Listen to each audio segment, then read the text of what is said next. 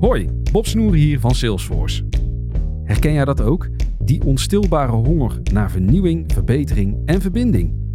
Ontdek dan nu het nieuwe seizoen van Aanjagers. Patrick Willer en ik spreken iedere aflevering inspirerende gasten over verschillende thema's zoals leiderschap, diversiteit en innovatie. Luister Aanjagers via je favoriete podcastplatform en abonneer je vandaag nog. Aanjagers, de podcast voor mensen die durven te veranderen. Hi, Tom hier van Alle Geschiedenis Ooit. Deze week heb ik het over een van de belangrijkste filosofen en socialisten van de 19e eeuw, Karl Marx. En hoe hij zo belangrijk is geworden en waarom dat eigenlijk zo vreemd is, hoor je aankomende zaterdag dus bij Alle Geschiedenis Ooit, exclusief op Bonnemouw.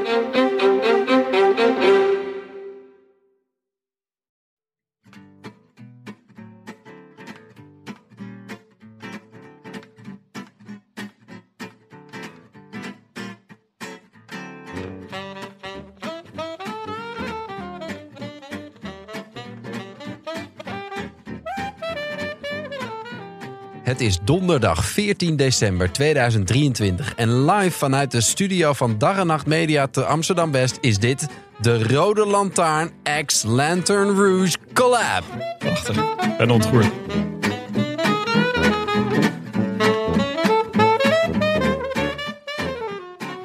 Rode Lanternisti komt uit dat zwarte gat. We hebben iets bijzonders voor jullie. We hebben een verlanglijstje ontmoetingen waar we naar uitkijken, maar waar we natuurlijk zelden wat van realiseren. Uiteraard stond Valverde daarop. Patrick Lefevre, Evenepoel, Pogacar, Arsène Wenger, Orla Chenoui, Oscar Freire. Nou, op die lijst staan natuurlijk ook onze collega-podcasters van Lantern Rouge. Wat wij aanvankelijk aanzagen voor een AliExpress versie van deze podcast, bleek een bijzonder goed geïnformeerde wielerpodcast. Engelstalig, die er direct na elke rit en na elke ontwikkeling in het wielrennen is. Ze zijn fan van de klassementsaspiraties van Sepp Koes, het afdalen van Alex Oeruburu. Ze zijn vrienden van Evenepoel en van Team Jumbo-Visma. Nee, wacht, ik bedoel Visma Bike, Visma Lab. Of zoals wij ze voortaan noemen, de Flappies. Mijn hart maakt een sprongetje elke keer als er weer een nieuwe aflevering klaar staat en ik hoor... Welcome back to the Lantern Rouge Cycling Podcast, sponsored by Swift. En wat een uitstekend idee om een podcast te beginnen en die te noemen naar de Rode Lantaarndrager. En wel ja, waar wij Benja hebben, hebben zij Benji. Ik voel me vandaag als die meme van twee Spidermans die naar elkaar wijzen. Dit is hoog podcastberaad. Lantern Rouge meets de Rode Lantaarn. Welkom, Benji Nase. I wish I could be in the south of France. In the south of France. Sitting right next to you. Dank wel voor de invitatie. Dag vrienden. Hallo. Ik ben blij om aanwezig te zijn in de Rode Lantaarn headquarters. Het is hier ook echt rood. Dat is- mag wel gezegd worden. Is, Nee, eh, absoluut. Ja, Alles zeker. om ons heen is rood. Nou, Benja, Benja, Benji. Ja, dit, dit wordt, eh, ingewikkeld. Ja, Jim. Laten we het gewoon zo doen. Eh, Benji, hoe is het met je? Goed, eigenlijk heel goed. Het is een drukke periode, ook al klinkt dat vreemd in, tijdens off-season. Maar het is een leuke periode. Ja. Ik amuseer me met mijn werk. Het is eh, het zwarte gat natuurlijk. Wij ervaren dit als eh, zeer moeilijk natuurlijk. We tellen af naar de omloop. maar er gebeurt zoveel in het wielrennen. Ik dacht, eh, we gaan zo meteen, laten we zo meteen even over het podcastleven hebben. We moeten ook heel even de actualiteiten adresseren. Want er zijn natuurlijk mensen die rennen nu naar een podcast-app om te horen wat wij ervan maken, wat allemaal deze week gebeurd is. Kian Uiterbroeks Gate. Hmm. Zijn jullie verbaasd over Bora en de flappies? Nou, ik, ik, eh, als, als dit was gegaan over eh, Movistar en ehm, Astana en Superman Lopez...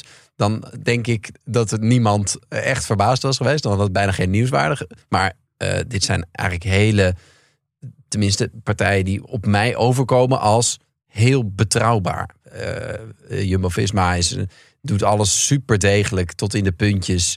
Bora, ja, dat zijn eh, degelijke Duitsers in principe. En Kian Uiterbroeks komt over als, als de, de, de lieve, verlegen nerd die alles eh, ook, die gaat ook niet tegen schenen lopen schoppen zomaar. Dus wat dat betreft is het echt een hele vreemde ontwikkeling. Onverwachte wending.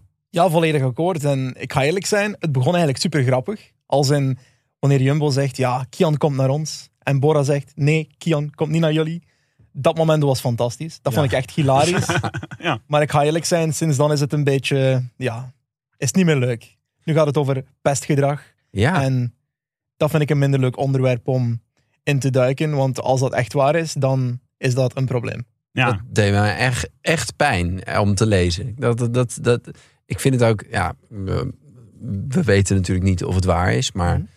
eh, de signalen die we hebben gekregen uit de Vuelta, zeg, die, die onderstrepen niet bepaald dat het geen mogelijkheid is. Eh, ja, dat vind ik wel heel, heel verdrietig. En ook echt schokkend, eerlijk gezegd, dat hij dus extreem met zijn vak bezig is en dat Ja. hij daarover wordt geridiculiseerd. In de Vuelta leek het al alsof er frustraties waren aan Kians kant. Mhm. Als in, we zagen de frustraties wanneer dat Vlasov met zijn teamattack Ja. tijdens die ene rit de aanval deed, waar dat hij blijkbaar niks van wist, Kian. En ook daarna met Chrono de Nation, denk ik, dat, ehm, dat hij zat te klagen over zijn tijdritfiets. Niet per se de algemene equipment van Specialized voor de tijdrit, maar meer dat er iets mis was op die dag. En zijn setup was niet goed. ja, hij zei, er is geen tijd te verliezen, denk ik dat de, de quote was dat ik zag Ja. in, de, in de headlines.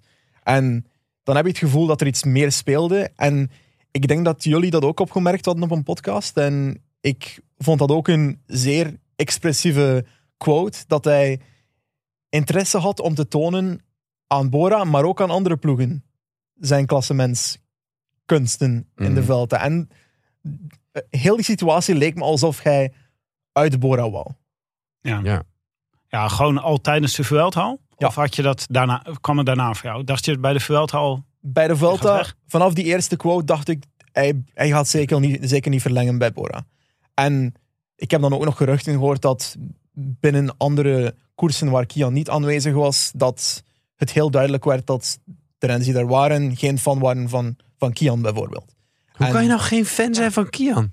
Ja, ik, Hij is toch in al zijn interviews, ik, ik, ik smelt helemaal. Ik vind het eh, zo, ik wil een hem beetje vastpakken hem. en er gewoon Ja. een knuffel geven. Hij is diametraal tegenovergestelde van Remco Evenepoel. Dat vind ik zo leuk. En ook, ik ga eerlijk zijn, hè, stel dat een persoon binnen een ploeg nu moeilijk is om mee samen te werken. Stel dat ik nu echt een, eh, een ambetante mens ben om mee samen te werken. Ja, daarover later meer. Ja, Ja. ja. ja. Hm? F. je kan zeggen tegen mij dat ik ambetant ben om, om mee samen te werken, maar iemand daarvoor pesten is een brug te ver. Ja. Dus afhankelijk van de situatie achter de schermen, pestgedrag is toch niet aanvaardbaar, regardless van waar het begon. Ja, ja. maar zeker. Helemaal mee eens. Het, is, eh, Zijn jullie ook gepest vroeger of niet? Ja, denk het wel. Ja. Ja. Ah. Ik ben nog nooit de, de magerste eens, geweest. ja. En dat heeft toch wel zijn, zijn gevolgen gehad in school. Ja? Ja. Ja. Het is toch wel... eh, dus- Scarred for life. ja. ja, ja. was er een eh, anti-Benji groepje. ik denk het niet, maar het was, het was er niet ver van. Ja, maar het- eh, gewoon dit hele, eh, dit hele idee, dat ze dus eigenlijk vonden dat hij te veel zijn best deed. Te Ja. competitief was of eh, te veel bezig was met winnen. Bij, bij een topsportploeg is toch echt Ja. absurd. Ja, nou moet ik zeggen, als ik ga skiën Ja. en er is iemand die de hele tijd zegt, ik ga de wekker vroeg zetten, want ik wil bij de eerste skilift staan. Vind ik ook moeilijk. Misschien is hij gewoon de hele tijd zo. Ja, ik wil, ik wil vroeger opstaan, want ga ik alvast een trainingsrondje rijden. Ja. Maar Want het jij zou hem ook pesten. Jij zou in de antieke... Zat jij erin eigenlijk, Tim, of niet? Jij zat er gewoon in. Ik, jij bent de beheerder. Eh, ik eh, kan, hier, eh, kan hier geen uitspraak over doen, maar ik wil zeggen dat ik geen belemmeringen ervaar in de rechtsstatelijke sfeer. nee, sorry, maar, eh, nee, maar dit is, het zegt ook veel over Bora, toch? Dit, want Ja. bij Bora komt ineens tevoorschijn als een soort van ploeg waarin ze toch, ja, je moet wel even normaal doen en eh, het is hier niet, eh, we gaan hier niet naast je schoenen lopen of te veel eh, praatjes hebben. Ik vind het, ik vind het heerlijk. Voor, voor ons is het heerlijk. We hebben gewoon een, een nieuwe vijand van de show. Ja. De, eh, heel Bora en sowieso alle Duitsers. En dat is sowieso denk ik voor een warm gevoel voor ons toch om Duitsers te kunnen haten. Dat Ja, hebben we lang niet meer kunnen doen, omdat ze heel aardig blijken te zijn en zo. En, Ja, nee, dit is wat mij betreft weer een eh, nieuwe oorlogsverklaring. Ja. Eh, er is ook gelijk het verschil tussen de Rode Lantaarn en de Lanterne Rouge, denk ik, qua eh, objectiviteit. Ehm, laten we even over de podcast praten, maar Yes. niet voordat wij even onze sponsor in het zonnetje hebben gezet, want hij is weer terug. NoordVPN. NoordVPN. Ja, Benji, dit is voor ons de manier zodat we ook nog gewoon op onze telefoons Vlaamse wielerverslaggeving kunnen kijken. Eh, NordVPN is er voor veilige internetten. Meer dan 500 servers wereldwijd. Eh, je kan dus gewoon, eh, je installeert een appie en je kan gewoon het land kiezen waar je op dat moment in wil zijn. En dan Weet je waar ik bijvoorbeeld nu ben? Ja, waar ben jij? Goeie vraag. Gewoon Nederland. Ja, Ja. Nou, maar je had nu ook op dit Ik, had nu, ik kan nu klikken. Dan kan ik gewoon naar Hongarije of weet ik veel. Ja, kan Ja. ik wel doen. Maar het is Chili. Belangrijk voor veiligheid, voor anonimiteit. En je kan je dus voordoen alsof je in een ander land bent. Dus dan kan je ook streamen vanuit een ander land. Via noordvpn.com slash de Rode Lantaarn krijg je een mega korting op abonnementen van twee jaar. Plus vier maanden extra en nog een tijdelijke aanbieding. Nou, Wow. hou die op. Is dit, is dit nog... Die mensen gaan failliet zo, of niet? Ja, ik heb nog meer bij je. Nee. Van 29 november tot en met 9 januari ontvangt iedereen die een tweejarig NordVPN-abonnement koopt in Nederland een Amazon.nl cadeaubon van 10, 20 of 30 euro afhankelijk van welk abonnement je neemt. Oh. Dus snel naar noordvpn.com slash de Rode Lantaarn. En dan nu terug naar waar het echt om gaat in het leven. Hm. Podcasten. Benji, ik vind het heel leuk om je in het echt te ontmoeten. Want ik luister vaak naar jullie podcast. Ja. Maar ik heb ook een hoop raadselen. Luister jij vaker naar hun podcast of naar die van ons? Nou, dat gaat wel omspannen. Omdat ik natuurlijk hier ook vaak gewoon in de podcast zit. Ja. Ja, ik moet eerlijk zijn. Ja, dat gaat wel omspannen. Dank u wel. Maar ik luister ons ook wel tamelijk vaak terug. Heb jij er niet, Benja? Ehm, ja, als je er zelf in zit, bedoel je? Ja, ik luister wel eens terug terwijl ik er zelf in zit. Naar greatest hits. Van, denk ik, goh, dat hebben we toch weer goed gedaan. in het begin wel allemaal. Om, om toch nog een beetje voor mezelf... eh, Jezelf te evalueren. Ja. Doe jij dat? Ja, ik denk het wel. Als in, soms heb je het gevoel na een podcast, na de opnames, ja oké, ik was niet op mijn best vandaag. Ik heb daar een paar steken laten vallen en dan luister je er naartoe en die zegt, ja oké, het is wel goed genoeg. Ja. En wat is dan een steekje laten vallen? Wat bedoel je daar nou mee? Ik heb, ik heb ooit een keer in een Luik Bastenaken Luik podcast iets gezegd over Valverde die totaal niet klopte qua palmares. Oh ik besefte het twee minuten later, maar het was te laat om te correcten op de podcast. Maar dat zijn jullie wel gaan doen in de loop van de tijd. Op een gegeven moment, je doet nu ook best wel vaker dat je even later, kom je even op terug, zeg ja, ik heb het even opgezocht, klopt het niet. Maar je, je gaat het er niet meer uit editen, dus blijkbaar. ja, dat klopt. Ah, Ook omdat we zijn eigenlijk overgestapt in het begin van 2023 naar het livestreamen van onze post-race recap podcasts. Dus onze podcast nadat een koers gedaan is. En omdat het live is, zijn we nu zo gewoon dat die live zijn en de meeste van onze podcasts live opgenomen worden. Dat ja, we handelen alsof dat het live is, ook als we niet meer live opnemen. Dus zijn bijna allemaal one-takers. Normaal gezien wel, ja. En eh, even voor, eh, voor onze luisteraars, want eh, hoe, is dit, hoe is dit zo begonnen? Het is een Engelstalige podcast. Jij bent een Vlaming. Yes. Hoe, hoe, ben je, hoe is deze podcast van de grond gekomen? Het is eigenlijk een heel lang verhaal. Als in, Ah, leuk, wij houden van lange, lange podcasts. Dus, eh, zeker ook. Tim. Even ontleden. we kunnen zo lang doorpraten vandaag. Ja. Ja, Vijf uur staat er nu op de, de Spotify-app van iedereen. ja er wordt marathon podcasten.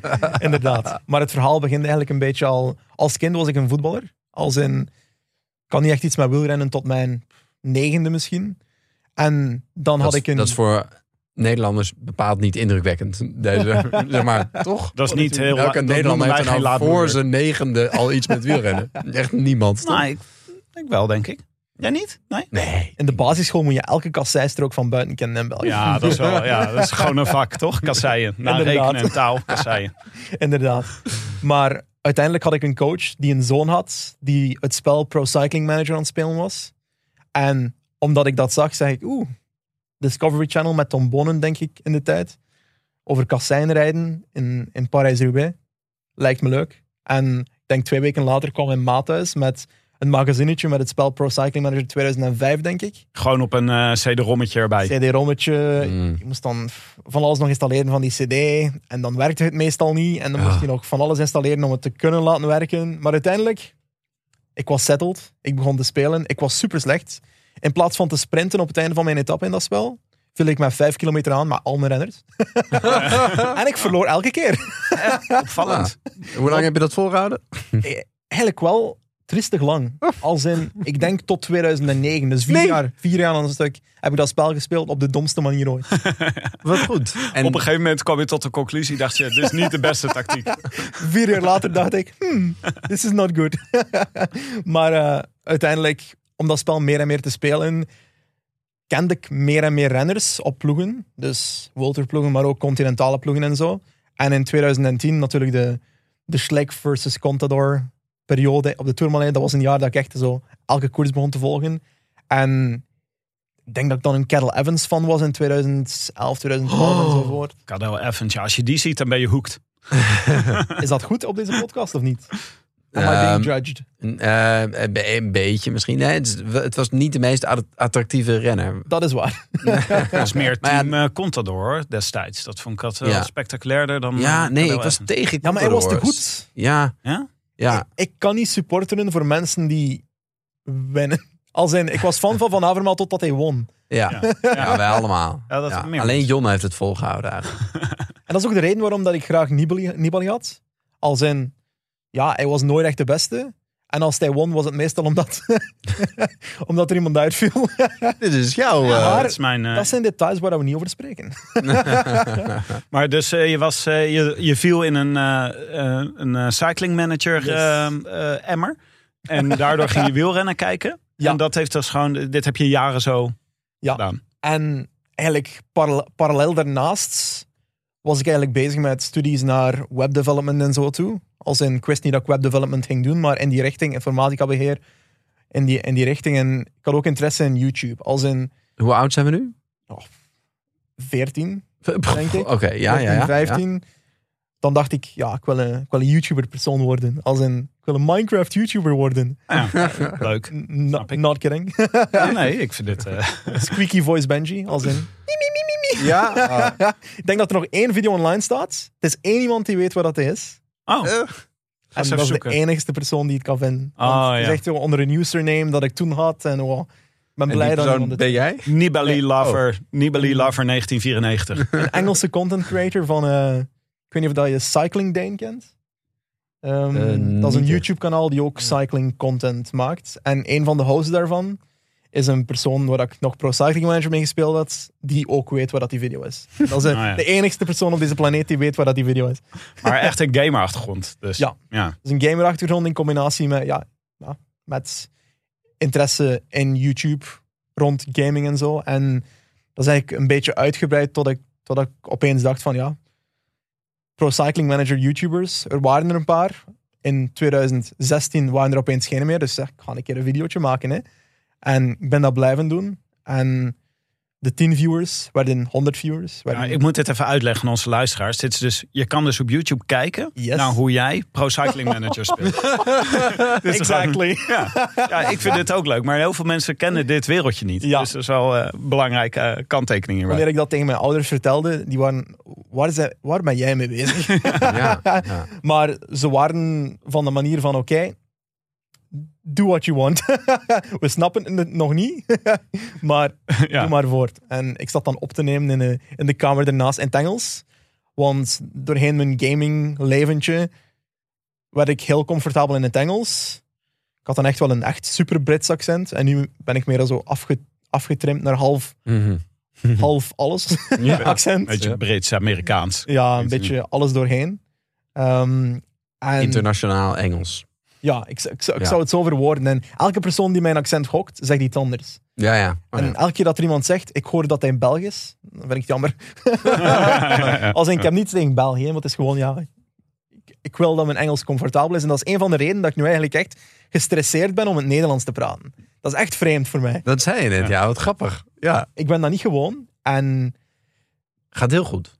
Nee, maar wacht even jongens. We zagen nog even in Oh, de sorry. origin story. Ik wil nog heel even naar eh, hoe... Want op een gegeven moment eh, ben je aan het podcast gegaan. Hoe is deze stap gekomen? ja, de Pro Cycling Manager kijkers werden meer kijkers, dus een grotere community daar rond. En ik werd dan op een moment zo de persoon die content maakte rond Pro Cycling Manager. En ik denk dat in 2000, 2019, 2020 ongeveer een 8000, 9000, 10.000 mensen per aflevering kijken. En hoeveel afleveringen waren er per Oeh. week? Elke twee dagen een aflevering, denk ik. Zo. Dus ik had totaal geen leven, nee, voor alle duidelijkheid. en dat is eigenlijk niet veranderd. Was dit de periode dat je gepest werd? Dat was ervoor. Oh. In die periode zat ik al zo in een IT-school die echt... Dat aanvaardt mensen die rare dingen doen op Oh internet. ja, oké. anyway. ehm, uiteindelijk was er een andere YouTuber, Lantern Rouge Patrick Bro. Nu mijn collega, die toen een samenvatting maakte van koersen op een redelijk grappige en moderne manier. Als in de jeugd een beetje aanspreken, lijkt mij. Wat memen eh, in die richting. En die deed dat heel goed. Zijn kanaal was heel groot, als in 80.000 abonnees op dat moment, denk ik. Zo. Ik had er een stuk of 10.000, 12.000 op dat moment. Dus ik was een klein beetje kleiner qua kanaal. Ja, I was being carried. ja, ja. maar eh, uiteindelijk ehm, hebben we En hoe kwam hij bij jou terecht dan? Of Ik denk dat wij bij hem? opeens op Instagram zaten te praten. Ik weet niet hoe de eerste interactie kwam. Als reactie op een video van hem, denk ik. Dat we aan het praten waren. En de we hebben eigenlijk gewoon gezegd: ik zit vast onder een plafond van Pro Cycling Manager viewership. Ja, ik kan Ja. hier niet boven. Nee. Nee. Er zijn maar 20.000 mensen die dat spel spelen. Dat is een probleem. De helft zit al op een probleem als je een beroemdheid bent in een wereldje wat uit maximaal 20.000 mensen bestaat. Ja, dan- ja, dat is een probleem. Ja. Een heel niche. Micro, micro celebrity. Ja. En ehm, hij wou eigenlijk een beetje meer in de podcastsfeer uitbreiden. En we hadden een gesprek op Instagram. En de dag later hebben we een half uur op Discord zitten babbelen. In een voice chat. In de auto eh, zat, ik, eh, zat ik te... Discord. Discord is een, Ja. eh, een chatprogramma voor gamers. Oké, Voor dankjewel. alle Ja, ja, duidelijkheid, ik moet even, we moeten even het aan de boomer in Ja. de studio Ja, uitleggen. ik ben een boomer van dienst. Ja. voor alle duidelijkheid, hands-free. Don't text while driving en zo. Maar eh, Oh ja. een half uurtje hebben we gepraat. We hebben tegen elkaar gezegd... Oké, podcast starten. Hoe gaan we dat doen? Ik zeg, ja, Lantern Rouge. Je kanaal noemt al Lantern Rouge. Dat is waar dat origin story van komt. Ik zeg, je hebt al een grotere following dan ik. We zouden beter die naam houden als de mensen dat opzoeken. Dat ze direct bij de podcast ook uitkomen. Dus dat is eigenlijk hoe dat we indirect een gelijkaardige naam hebben als jullie. Ja. En er is nog een derde. Hè? Er is nog een derde Lantern Serieus? Rouge. Ja, Oh. er is een, Er is geen plaats voor die derde, sorry. Nee, die heet volgens mij ook Lantern Rouge. Er is nog een Lantern Rouge. dus maar dat is- Franstalig. nog een ander dan die van jullie, bedoel ik. Nou, Ja, ja. Ik zal zo eens even opzoeken. Wij passen in de deur. De maar, jullie zijn, maar jullie hadden elkaar nog nooit ontmoet. In, eh, Nee. wanneer, ehm, wanneer, is, wanneer, hoe lang heeft het geduurd voordat jullie elkaar lang, ontmoetten? lang, lang. En na dat half uur op Discord hebben wij eigenlijk twee dagen later, denk ik, ja, onze eerste podcast opgenomen. GP Plouet. Oh ja. Ja. Ja, daar Omdat- begin je mee. Dat vind ik ook. Dat dat is gewoon een goede om mee te beginnen. Omdat we wouden testen voor de 2020 Tour de France. Want dat was het COVID-jaar. Oh, wacht. Ik Ja, wou zeggen, en- dat is er toch na. Maar Omdat ik thuis werkte door COVID-related stuff met mijn werk, zorgde dat voor de, de extra tijd je had van ook nog de auto naar mijn werk te Naast, naast altijd eh, Pro Cycling Manager Ja, spelen. dat was geen job. Daar kon ik niet genoeg aan verdienen aan Oké. Pro Cycling Manager. Dat was mijn probleem. Ja, precies. en ehm, ja, uiteindelijk... GP Blue had 3000 luisteraars, denk ik, op de eerste podcast. Omdat we al een following hadden. Dus denk ja, oké. Ja. Why not? Let's Ja. wing it. Tour de France. Volgende week start het. Gewoon elke dag. Elke dag een preview ervoor en een recap erna, denk ik. En Zo. ook een rustdag podcast. Dus we hebben eigenlijk gewoon elke dag gewerkt erop. Ben, ja, het is toch. Wij zijn ook zo op deze manier begonnen. We hebben eerst het NK geoefend. ja. Toen eh, Tour de France Jij en Willem bedoel je, hè? 2017. Willem en ik. Maar wij alleen na de etappe. En dan Mhm. hier overtoepen jullie ons wel. Door ook nog even gelijk met previews te beginnen. De preview was wel één preview voor de hele Tour de France. Als in, Ah, ja, en dan recaps voor elke, elke episode. Ja. elke rit. Ja. En dan een rustig podcast en een full recap op het einde. En dat was natuurlijk het jaar van de, de Planche de Belfie van Ah, ja. Pogacar. En die episode had 21, 22.000 kijkers enkel op YouTube alleen. Maar wij hadden eigenlijk het systeem van enkel audio. Wij hadden nog geen video op dat moment. En op YouTube was er eigenlijk gewoon een screenshot van de Spotify-pagina met de audio die erover liep. Omdat we de YouTube-kanaal eigenlijk al wouden laten groeien naar de komst van de video later toe. En dat is wel gelukt. En ik denk dat het jaar laat, eh, een jaar later de transfer van Cavendish naar Quickstep back in the day eigenlijk het moment was dat we naar video gegaan zijn. Ik ga, ik ga heel eerlijk zijn. Ik had nul zelfvertrouwen op dat moment. Ik was zo gestresseerd voor op video te staan. Oh ja. Ik, heb- ik heb twee deed, dagen niet deed je dat met de Pro Cycling Manager niet? Oh, dat was, dat was was- gewoon audio. was enkel audio. En beeld van het spel, of ja, niet? Beeld van, ja, Ja, ja. anders is het een beetje moeilijk. Nou ja, anders zie je niks. En nu win ik weer. Nou ja, goed. Het is weer Maar zover. waar kwam de stress dan vandaan? Was je bang dat je niet goed zou doen op beeld? Ja, en ook gewoon, ik, was, ik, ik, ik had en heb nog altijd een beetje overwicht. Ik, ik weegde 129 kilo op dat moment. Dat is, dat is te veel. Let's be honest about that. En ik had weinig zelfvertrouwen als gevolg daarvan. En de eerste podcast, de avond daarna, had ik het gevoel van, ja oké, waarom heb ik er zoveel stress voor gehad? Ja. Nobody cares. Nee, nee, nee.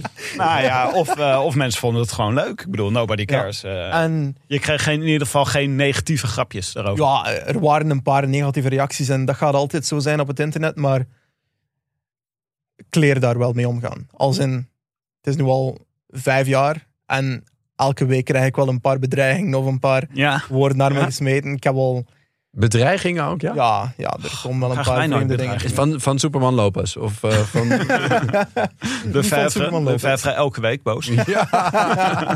Telefoontje. Kom je halen. dat is nog veel erger.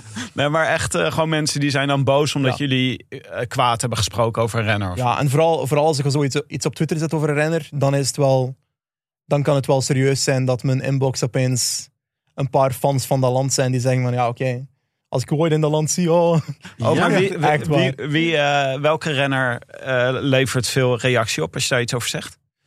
oeh, Roglic in Slovenië. Oh ja, ik krijg Ja. Slovenië. Ja, die luisteren maar ik- daar hebben wij nooit last van. Want bij ons is het alleen maar Nederlandstalige luisteraars. Maar jullie hebben dus ook gewoon Slovenen die luisteren. Ljubljana is een van onze grootste steden van de podcast. Ja? Echt Ja, waar. leuk. Dat kan je allemaal precies zien Ja, natuurlijk. het is Eh, echt, wat nog meer? Waar zijn jullie? Waar wordt veel Londen is groot, ehm, maar eigenlijk grotendeels, laten we zeggen dat ik gok, hè, 85% misschien luisteraars zijn buiten Nederlandstalige landen. Oh ja. Ehm, en dat maakt het misschien makkelijker om een groot aantal audience aan te spreken. Het is een groter zwembad van mensen die geïnteresseerd zijn in, in wielrennen in het Engels dan in het Nederlands. Maar het is voor ons veel moeilijker om in een individuele ranking van een bepaald land te komen. Als in, Ja, ja. in België Ja. denk ik dat we enkel nog maar bovenaan gestaan hebben op nummer 1 op het moment dat ik in Vive Velo langsgekomen ben bijvoorbeeld. Ja. Dus ik zou echt iets in dat land moeten doen Ja. om daar wel eigenlijk op één of zo te staan in, in de podcastlijsten. En Want wat- even voor de duidelijkheid. Hoeveel eh, luisteraars hebben jullie voor een gemiddelde aflevering? Gemiddeld ongeveer een 100.000, denk ik nu. Als in, Oh ja, dat is ongeveer de helft van wat wij hebben. Ja, wel, als, wij, als die zeg maar een uur online staat. Ja, als in Ja, maar dat is echt heel veel. Dat is gewoon... eh jullie Ja, maar- zijn- het is wel volatiel. Als in, vroeger was het volatiel, volatieler als nu, omdat YouTube dan een grotere invloed had. Eh, dat heeft meer gerelateerd aan hoe goed de koers dan is. Mensen moeten het dan opzoeken op YouTube, interesse hebben in die specifieke Ja. koers. Op podcastplayers zijn de kijkers gewoon altijd maar aan het groeien. Eh, Langzaam, just doorheen het jaar. Het groeit altijd. Ehm, Dus podcastluisteraars groeien. Ja. En YouTube blijft een beetje zo... eh, nee. YouTube is gewoon een piek, weer naar beneden. Een piek, Oh, ja. naar beneden. Hangt af van de aflevering. Dauphiné kan opeens op YouTube maar, maar een, maar een 12.000 kijkers hebben opeens. Op YouTube alleen. En dan bijvoorbeeld een Ronde van Polen die dan niet uitgezonden wordt op tv, waardoor meer mensen het opzoeken op Ah. YouTube. Zorgt dan voor opeens, oh, 20.000 mensen zijn opeens geïnteresseerd in de Ronde van Polen opeens. Dus het van allemaal Polen af ook van wel de echt bij uitstek een moeilijk te volgen koers, toch? Ja, is altijd- dat is waar. moet je echt heel erg zoeken. Ja, maar stel je voor, het, is, het opent allemaal mogelijkheden. Dus als je dus Engelstalig bent, dan kan je gewoon even helemaal cateren op Poolse wielerliefhebbers. Ja, Moeten wij niet ook gaan spin-offen naar bijvoorbeeld de Ronde van Portugal? Lijkt me eerlijk. in het Portugees. Hoe is jouw Portugees? Amisa Bongo? Dat is, Dat is geen. Portugees. Welkom to Gabon. Ja, ja, dat is gewoon, daar kunnen wij groot in is Gabon. weg, hè? Nee. Door politieke redenen. Tropicale? Als in de president Amisa Bongo is weg en daardoor is die koers weg. Erg, hè? Oh, dit is, nou oké, daar gaat het plan al. Maar dat, dat is per volgend jaar. Of, Ik of was die afgelopen ehm, jaar al niet meer? Ik denk vanaf volgend jaar. Ja. Oh. Maar en hoe ziet jullie eh, leven er dan nu uit? Want eh, wij, ik weet, wij hebben natuurlijk altijd, wij kunnen altijd leunen op Benja en Jonne, die gewoon de hele dag op de bank liggen, een beetje hamkaas eten, scheetjes laten en wielrennen kijken. Dus ja, Ja. dan heb je dat al. Maar zijn jullie ook allebei gewoon de hele dag thuis wielrennen aan het kijken? Dat heeft een beetje een evolutie gehad doorheen de jaren. Als in het eerste jaar, 2020, had ik nog mijn acht uur per dag job als webdeveloper. En dan in het jaar daarna eigenlijk ook nog altijd 2021. Ik denk dat 1 januari 2022 het moment was dat ik zeg... Oké, het is financieel mogelijk om genoeg te verdienen aan de podcast, om volledig zelfstandig te zijn en niet meer te leven van mijn job ernaast. En dat was eigenlijk een moment van, ik ga eerlijk zijn, einde van 2021, net voordat ik die switch gemaakt heb, ik zat op de brink of dying.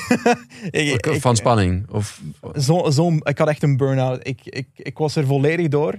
Ik werkte misschien 15 uur per, 16 uur per dag. Omdat je en dat wielrennen moest kijken en Ja. al die afleveringen maken en dan nog je werk als eh Ja. webdeveloper. Podcast, werk, YouTube, allemaal doorheen. En dat was ook een moment dat ik op mijn YouTube nog altijd om de twee dagen uploadde. Dus Ja. dat is naast de podcast dan. En dat, dat was heel veel. Maar ik had echt, ook nog steeds de Pro Cycling Manager. ja, ik had er echt Oh. gezondheidsprobleem door. Door gewoon de stress en zo. Ja. En in 2022 heb ik dan die, die knoop doorgehakt. Ik ga zelfstandig van de podcast kunnen leven, dus ik ga dat nu doen. Ik wil die YouTube nog altijd uitbreiden doorheen het jaar. Dan heb ik nog in 2022 een beetje identity problem gehad van ik weet niet welke video's dat ik ga maken, want Pro Cycling Manager, ik ben dat kotsbeu geworden over de jaren heen. Ja. Ja, Als in- ja, op een gegeven moment heb je het zo vaak gedaan. Ja. Ja. Ehm, dus uiteindelijk is dat de situatie geworden van 2020 een beetje een overgangsjaar als ik doe de, ik doe de podcasts, ik ben aan het zoeken wat dat ik op mijn YouTube ga doen en ik ga kilo's kwijtraken. En ik ben 20 kilo kwijtgeraakt in 2022, wat dat heel veel extra zelfvertrouwen gaf qua op video zijn en zo. En Mhm. Dat heeft wel een grote stap gemaakt, omdat je vanaf dat je 10 kilo verliest, heb je zo het gevoel van ik heb het onder controle. Ik kan het doen als ik het wil doen en ik weet hoe het moet nu. En dat, Dat, heeft kan echt je volgen op gedaan. YouTube, toch? Dat, dat is ook wat we kunnen volgen als jouw, jouw volgers op YouTube kunnen deze 2022, die stap is goed stond nog niet op YouTube, omdat ik nog in de fase was van, kan ik dit wel? Mhm. En ik had nog niet zelfvertrouwen van 120 kilo Benji op een fiets op YouTube te zetten. Dus ik heb dat eigenlijk beginnen doen eind 2022, wanneer ik echt gevonden heb, oké, die video's wil ik maken op mijn YouTube. Een cycling journey van mezelf. En dat begon met een FTP-test. En dat, dat ging dan mijn eerste 10 kilometer klim. En dat klinkt makkelijk voor veel mensen, maar voor mij was dat echt echt not oké. pittig. En doorheen het jaar, ehm, spoilers voor een van de volgende video's. Ik heb echt eh, onlangs mijn, mijn watts bekeken en wat ik allemaal gedaan heb en hoeveel dat ik beter geworden ben. Ik heb mijn eerste klim gedaan. Ik heb op de Zwift vorige week, vorige, keer, eh, vorige week voor de eerste keer gereden. En dat is echt wel eh, een extra stap voor mij. En 20% beter qua wattage doorheen het jaar. 20, 25%. Mijn FTP is redelijk goed omhoog gegaan. Ik weet dat FTP niet, niet het all-deciding number is, maar het is een mooie indicator dat Ja. het vooruit gegaan is voor mij. Ehm, en ik ga dat naar volgend jaar doordoen en weer level upen qua content. En ik heb wel soms het gevoel, als ik YouTube-content maak over mijn training, dat mijn training soms leidt over, onder het feit dat ik YouTube-video's maak. Als in, ik moet altijd op het einde van de video iets hebben dat mensen naar opleven van oké, hij gaat die challenge doen op het einde van de video. Hij moet dat hier Moet de cliffhanger in. ja, inderdaad. Dus ik kan geen video maken over de Zone 2 elke week. Hè. Ik kan niet in, Nee, in nee. Zone 2 gaan fietsen elke week. Dat is een saaie video. Ja. En dus ik heb een beetje een middenweg gevonden van 75% proberen consistent trainen en 25% aanpassen zodat de content altijd een cliffhanger heeft, altijd een, een, een grote finale. Cliffhanger is misschien niet een grote finale op het einde van de video. Dat, dat ik ook een titel en een thumbnail heb ehm, voor mijn video. Want elke video van mij start met de titel en de thumbnail. Niet met idee voor de video. Ah, ja. Als in, in maart Hmm. heb ik een video gemaakt. ehm, I race on Zwift every day until I win. En ik dacht, die titel klinkt goed. Oh, dat is handig. Je strategie is gewoon, je maakt eerst een titel die zoveel belooft, Ja. dat je daar een hele serie over moet maken voordat je die titel waar kan Ik heb een hele maand alle, zitten opnemen. En dus elke dag zitten een race doen, zogezegd, op Zwift. En de eerste was ik laatste. en ehm, tegen het einde... Ja, spoilers. Did I win? Did I not win? Uiteindelijk heb ik in het laatste jaar mijn eerste koers gewonnen. Of dat in die video is of niet, dat ga ik niet vertellen. Oh. Dit klinkt, als, dit klinkt een beetje als de Bart Lemmen eh, route. Gewoon, eh, ja, ik, eh, Ineos, ik zou even opletten. Ronde van Slovenië, here I come. Ja, dat lijkt me een goeie. Ja, Slovenië. Zitten Ja, veel fans ook, toch? ja dat is waar. Er zit, er zit ook je crowd. Maar Maar, veel haters. Ook. Ja. maar jullie maken dus alles met z'n tweeën? Ja. En eh, Mm, Niet meer echt. Als in Patrick en ik deden in het begin de opnemen, het editen. En we wisselden elke keer af. Het eerste jaar van nu is aan mij, nu is aan jou, nu is aan mij, nu is aan jou. Maar uiteindelijk, in het tweede of derde jaar, eh, heeft Patrick zijn vrouw uiteindelijk de editing een beetje overgenomen. En nu is Luc Grefte de, de groep gejoind qua podcasting. En die, ehm, ja, die, die doet echt topwerk. Als in die, die maakt de setup voor als we in persoon opnemen. Eh, die heeft alles technisch klaargezet zodat we beter remote kunnen opnemen. Want on, het meeste van onze podcasts is, is ik zit in België of Engeland, Mhm. waar dat ik ben op dat moment. En mijn collega zit in eh, Andorra of Australië, waar dat hij woont op dat moment. Oh ja. Dus wij zijn eigenlijk 90% van het jaar volledig in een andere locatie aan het opnemen. Samen, zogezegd. On the internet. En dat is eigenlijk een groot verschil met jullie, denk ik. Ja, ja, ja, ja, ja, het is het bijna het tegenovergestelde. Want wij, als wij een podcast opnemen, dan Ja. komen we hier bij elkaar een uurtje van tevoren even lekker eten. Jon heeft altijd zo'n sijzenbroodje. Ik ben meestal gewoon acht minuten te laat. Benja is acht minuten te laat, maar die moet wel ook altijd nog zijn haar doen voordat hij de studio inkomt. En eh, het is gewoon na afloop nog even lekker praten met Ja. elkaar, elkaar high fives geven. Maar jullie gewoon hup, strak opnemen, online gooien. Het is ook een beetje, we zijn gestart met het idee van, we willen dit hier starten met zo weinig mogelijk financiële overhead. Als in, stel, stel dat ik nu ook moet verhuizen naar die, die plaats waar dat hij woont, of hij dichter bij mij. Maar ook qua equipment, redelijk simplistisch gestart met een webcam en een, en een, en een microfoon dat ik al had voor YouTube op te nemen. En ja, ik kijk hier rond en de setup hier is toch wel een, een stukje verder of, of bij ons. Ja, het is wel eh, grappig dat eh, als je, je kan het natuurlijk, in principe is het een heel toegankelijk medium. Je Ja. kan het gewoon best wel scrappy aanpakken, gewoon een microfoon. en, Ja. eh, maar, en, eh, eh, maar jullie hebben niet overwogen om in dezelfde stad te gaan wonen op een gegeven moment. We hebben het erover gehad. eh, als in, ik denk, begin 2022. Ja, begin 2022. Zaten we nog na te denken om in dezelfde regio te gaan wonen. Hij was verhuisd naar Andorra in plaats van Australië. Want het eerste jaar nam hij elke podcast op om drie uur s'nachts in Australië. Vreselijk. En, Daarom eh, begint hij ook altijd een Dat beetje slaperig aan de podcast. en daardoor wou hij naar Europa verhuizen. En Andorra was de plaats dat hij uiteindelijk ge- geland is. Is dat gewoon eh, omdat daar veel wielrenners langs fietsen? Deels, denk ik. Maar hij is gewoon met zijn familie ook hier naartoe. Met, zijn- Ehm, met zijn vrouw hier naartoe. Zijn vrouw is mee verhuisd. Ehm, zijn familie zit nog in Australië, Ah ja. denk ik. Ja. Grotendeels. Maar En ja, dat, dat heeft wel het makkelijker gemaakt aan zijn kant. Maar dan uiteindelijk heb ik, eh, zijn we samen voor... Eigenlijk, ik heb hem nooit in het echt gezien. Tot aan de Giro van 2022 in Budapest. Dus na oh joh, twee jaar podcast ongeveer. dit weet ik nog dat jullie... eh, daartoe luisterde ik gewoon al. Maar dat was dus de eerste keer dat jullie elkaar ontmoeten. Gewoon, ja, eh, de eerste keer dat we in, elkaar in ontmoetten. Hongarije. We hebben er een bij vlog de, van bij gemaakt de, op YouTube. de start. Ja, de start in Hongarije. En dat moment heeft eigenlijk veel in mijn leven veranderd. Ik heb daar mijn nu vrouw leren kennen in Hongarije. En Had Patrick die meegenomen? wel, fun, fun fact, hij heeft haar uitgenodigd bij een etentje waar ik ook aanwezig was. En zo heb ik haar leren kennen. En eigenlijk omdat hij haar uitgenodigd heeft, ben ik nooit meer naar Andorra gaan verhuizen, omdat ik nu bij haar woon. Dus hij heeft zichzelf in zijn voet geschoten. Ja, ah. Mooi, wat een leuk verhaal. Maar ik kan niet klagen, ik ben blij. Ja, wel, eh, wacht even. Deze Giro, dit was de Giro van waar Evenepoel uitviel? Mm, Wat, viel Evenepoel uit. Een in week ieder geval Mm, dat was de Van der Poel. Van der Poel, die openingsetappe. Wie pakt de En Rolls toen- uiteindelijk? Yates pakte hem, eh pakte die Christ. tijdrit, klopt dat? Wie heeft er in 2022 de Giro gewonnen? Ja, dit Driewieler podcasters. Ja, god, de Giro, welk land is dat ook alweer? Ehm, ik weet het, Hindley. Budapest? Wat? Hindley heeft gewonnen toen. Ja, Oh ja, Hindley. Dat was Hindley met, eh, de- met Carapaz. Wat zien. Ja. Zijn jullie selectief blind geworden voor Boras sinds de Kian? Ja, ja, ja, dat denk ik. Dus Bora blindheid, dat is een bekend begrip. en eh, ik wil het ook ik wil even aansnijden. Ik wil Jumbo Gate even aansnijden. Let's do it. Want, eh, I'm gegeven terrified. Ja, dat snap ik. Dus echt even eh, het vuur opzoeken. Maar eh, even eerlijk, zitten jullie in de zak van Jumbo? Ik niet.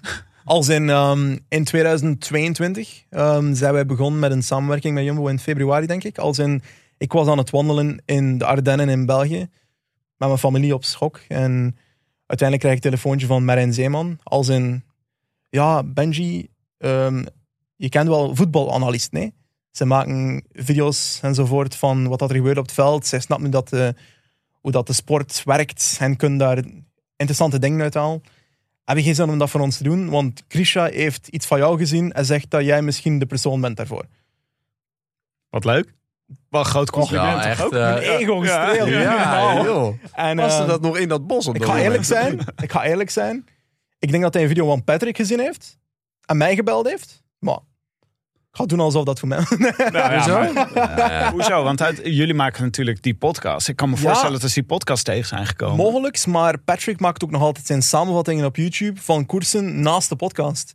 En dat is echt een video waar dat hij echt analyses ook toont in die video's. Dus in mijn hoofd leek het logischer dat het daarvan kwam. Dan van de podcast ook al. Blijkbaar, Grisha luistert beide dus. Het kon van alle twee gekomen zijn. Maar uiteindelijk, ehm, uiteindelijk begon dat met videoanalyse voor de klassiekers. Als in ja, de, de basisstuff, zoals oude koersen bekijken. Wat is er nuttig? Welke klimmen zijn er belangrijk? Wat is er vorig jaar gebeurd? Hoe heeft Quickstep dan, met, dan in 2021 eh, goed gedaan in, de, in E3 en omloop enzovoort? En dat dan gebruiken of mogelijkheden zien in hoe dat andere ploegen reageren als er een groepje van zes gaat met 70 kilometer te gaan. Op welke ploegen reageren die ploegen? Ja, zo al, die, al die vragen stellen en kijken naar die beelden en zo. En een videootje maken die nuttig is en verstaanbaar is voor de renners ook. Want het is, het is gemakkelijk voor te zeggen, ja oké, dat gebeurt daar, dat gebeurt daar, dat gebeurt daar. Maar eh, de magie was blijkbaar ook het, het, het vormen van de video en dat tonen. Dat was voor de klassiekers een beetje het geval. Maar tegen dat de Ronde van Frankrijk begon, was het meer al zo een uitgebreid pakket van, oké, voorbereiden van koersen, tactische consultancy, als in de voorbereidingsgesprekken voor de Tour de France, als in how can they beat Tadej Pogacar, was de grote vraag. Mhm. Want er was nog een wel degelijk ruim trauma van de, de 2020 Planche de Belfië Tour de France aanwezig. Kan je het Ja. me Als in, elk gesprek ging zo over... eh, ja, hoe kunnen we het afmaken dat het echt afgemaakt is? dat hij niet kan terugkomen. Oh, goed. Ja, Ehm, ja. Dus, dus die gesprekken kwamen er. En dan ook een groene truiplan voor Wout van Aert was ook in de picture van de berekeningen maken van worst case scenario. Hoeveel pak- punten pakt hij daar? Competitieve analyse van, van renners Maar en was zo. dit, was dit een, een concrete vraag van Jumbo uit? Van kan je ons helpen ook met de, Ja. met de groene trui? Dat je bekijken welke etappes we daarop zitten? Of, het werd gewoon altijd meer. Ja, ja. En tot het moment dat het van Frankrijk gebeurde en tijdens de Ronde van Frankrijk is het zo van, ja oké, nu, nu is het even gedaan. Good luck met, het, hetgene van de Ronde van Frankrijk. En ook doorheen de etappes heen kan er ook wel advies gevraagd worden en zo. Hè. Maar ehm, ja, uiteindelijk, da- dan komt er zo het, het masterplan van Col de Granon aanwezig en zo. Mhm. En ja, dat was een prachtige etappe. Het was een van de tofste etappes binnen het wielrennen. Naast natuurlijk Vincenzo Nibali 2014 op de Kassein. Ja. Hadden ja. jullie ook al voorzien van tevoren dat Granon een belangrijke Ja, etappe zou Dat was de, de number one etappe om naar uit te werken. Ehm, omdat er was mogelijkheid voor satellite riders, renners voorop sturen om later te gebruiken. Er was een, eh, een lange klim op het einde van de etappe. Er waren lastige ritten voor, eh, voor die etappe die het ook mogelijk maakten om het een beetje lastiger ma- te maken voor die etappe. Dus we hadden al geanalyseerd dat Pogacar mogelijke zwaktes had in de vorm van hele lange klimmen. Dan werd zijn data een beetje, een beetje minder. Natuurlijk, het is nog altijd Ja. de beste renner ter wereld in mijn mening. Maar op dat was er een, een, een mogelijke zwakte te vinden. Met het feit dat we in meerdere koersen zagen dat als je UAE, zijn ploegauto, voor een situatie zet die ze niet verwachten op dat moment. Zoals in Baskeland, waar dan McNulty de leiderstrui had Ja. eh, in 2021. Zo'n situatie proberen te creëren. Ja, die exacte situatie is onmogelijk, maar een situatie waar ze een beslissing moet maken vanuit de volgauto, daar ging het meestal mis. Dus Oh, wat heerlijk. Oh, wat heerlijk. Zodra de volg, eh, volgwagen iets moet beslissen, gaat het mis. Wel mooi. ja, hè? in 2021. Ja. Eh, Ze zijn een beetje verbeterd, maar het is af en toe toch nog, like op Begges in, in de Velta, rit 14 denk ik, ehm, had ik toch wel het gevoel dat de, de ploegauto weer eh, Weer, weer Oh, is dat Tomper. die? Ja. eh, de, de Fisher Black reactie Ja. op Vingegaard. Omdat ze dachten dat eh, Fisher Black Vingegaard ging kunnen wijlen. ja, wat was Oh dat? ja. Oh ja. Oh ja. Bleef Wat, nog best dichtbij. Ik moet zeggen, het was een Fisher knappe, knappe prestatie. Ja, Maar ja, het is niet de juiste call. Nee, nee, precies. De fishmonger is niet. En jullie zaten dan gewoon thuis, eh, zaten jullie die analyses te maken? En dan, of gingen jullie ook langs bij eh, kantoor Nee. en zo? Eh, nooit langs. Eh we hadden een klein, een klein groepje om samen te werken en dingen door te geven aan, aan Merijn, aan Grisha enzovoort. En Maar Een appgroepje. Gewoon ja, een app. bijvoorbeeld. maar, Maar mag ik een het- appgroepje, maar dan eh, voor Mo- Mobistar. Dat lijkt me wat voor ons. Nou ja, precies. Eh, Want, want jullie zijn gestopt. Of jij bent in ieder geval ik ben gestopt, gestopt met het einde samenwerking. van 2022. Omdat ik, ik ga eerlijk zijn, ja, ze hebben de Ronde van Frankrijk gewonnen. Ik heb daar misschien een percentje aan meegedaan of een, een klein beetje geholpen om dat in, in waarde te brengen. Ik ga er nooit credit voor nemen, want ik had het gevoel, ja oké, they did it. Ik heb gewoon gedaan wat dat er van mij verwacht werd. Ja, procentje is Ehm, best veel hoor, vind ik. Ja, Het is een procentje meer dan ik bijvoorbeeld. ook. Nou, Maar- de sfeer Romein eh, gecreëerd bij Jaans. Ja, dat Pak jezelf niet uit. Wij waren heel enthousiast. Heeft ook geholpen. ja, natuurlijk met die situatie ook. Ik had, het, ik had het gevoel dat ik soms video's aan het maken was voor een kleine groep mensen. En dat ik veel liever video's maakte voor veel mensen. Ik zou Mhm. liever analyse maken en toon dan 30.000 man online. Of gewoon in een tweet schrijven. Dan een video te maken voor 20 mensen in één ploeg. En Je vond het gewoon een beetje zonde van je tijd ook. Je dacht, ja, ik ben Ja, gewend om wel. ou- output voor mijn publiek te denken. opportunity cost. Ja, ja, Wat, wat dat erg is voor te zeggen, hè, want veel mensen zouden vechten voor die job. Maar ik, ik vond dat niet zo leuk. wat grappig. Ja, want ik Ja. wilde eigenlijk, eh, dus dit is denk ik het antwoord op mijn vraag. Ik dacht, in hoeverre jeuken je handen nou om juist bij eh, UAE aan de slag te gaan bijvoorbeeld? Ik zou het wel grappig vinden nu, als in Patrick doet nog altijd Jumbo, om nu bij UAE daar- Ja! Dat zou ultimate podcast setup zijn. ja, ja, ja. ja, ja. Natuurlijk, er was ook de, de criticism dat we gekregen dan, van dat niet direct publiek te maken. En ik ga akkoord, want dat eigenlijk transparant de eerste keer moeten online zetten. En dat was een fout. En ik was gewoon een beetje naïef, denk ik. Als in, oh, we hebben, een objectiviteitsclausule. We... En naar mijn mening heb ik ook echt altijd gehandeld van... Ik heb ook wel redelijk kritisch geweest in het begin van die Ronde van Frankrijk, tot het moment dat ik een Wout van Aert hater genoemd werd door half Twitter. De, de Belgische Dus helft ik, van ik Twitter had echt het gevoel, ja, ik ben hier objectief bezig. Maar ik kan, kan geloven dat er sommige mensen die zeggen dat er een mogelijke perceptie is dat dat niet het geval is. Doordat dat een samenwerking was achter de scherm. En ja, god, dat ik weet niet. Ik vind, ja, ik, het is toch jullie. Jullie pretenderen toch ook niet de UCI te zijn? Snap je wat ik bedoel? Als jullie, als jullie gewoon een podcast, tenminste, nou, wij zijn natuurlijk, denk ik, bij uitstek een, een podcast die zich uitspreekt in, in favorieten en, en, eh, en vijanden. Uiterst subjectief. Maar, maar ja, precies.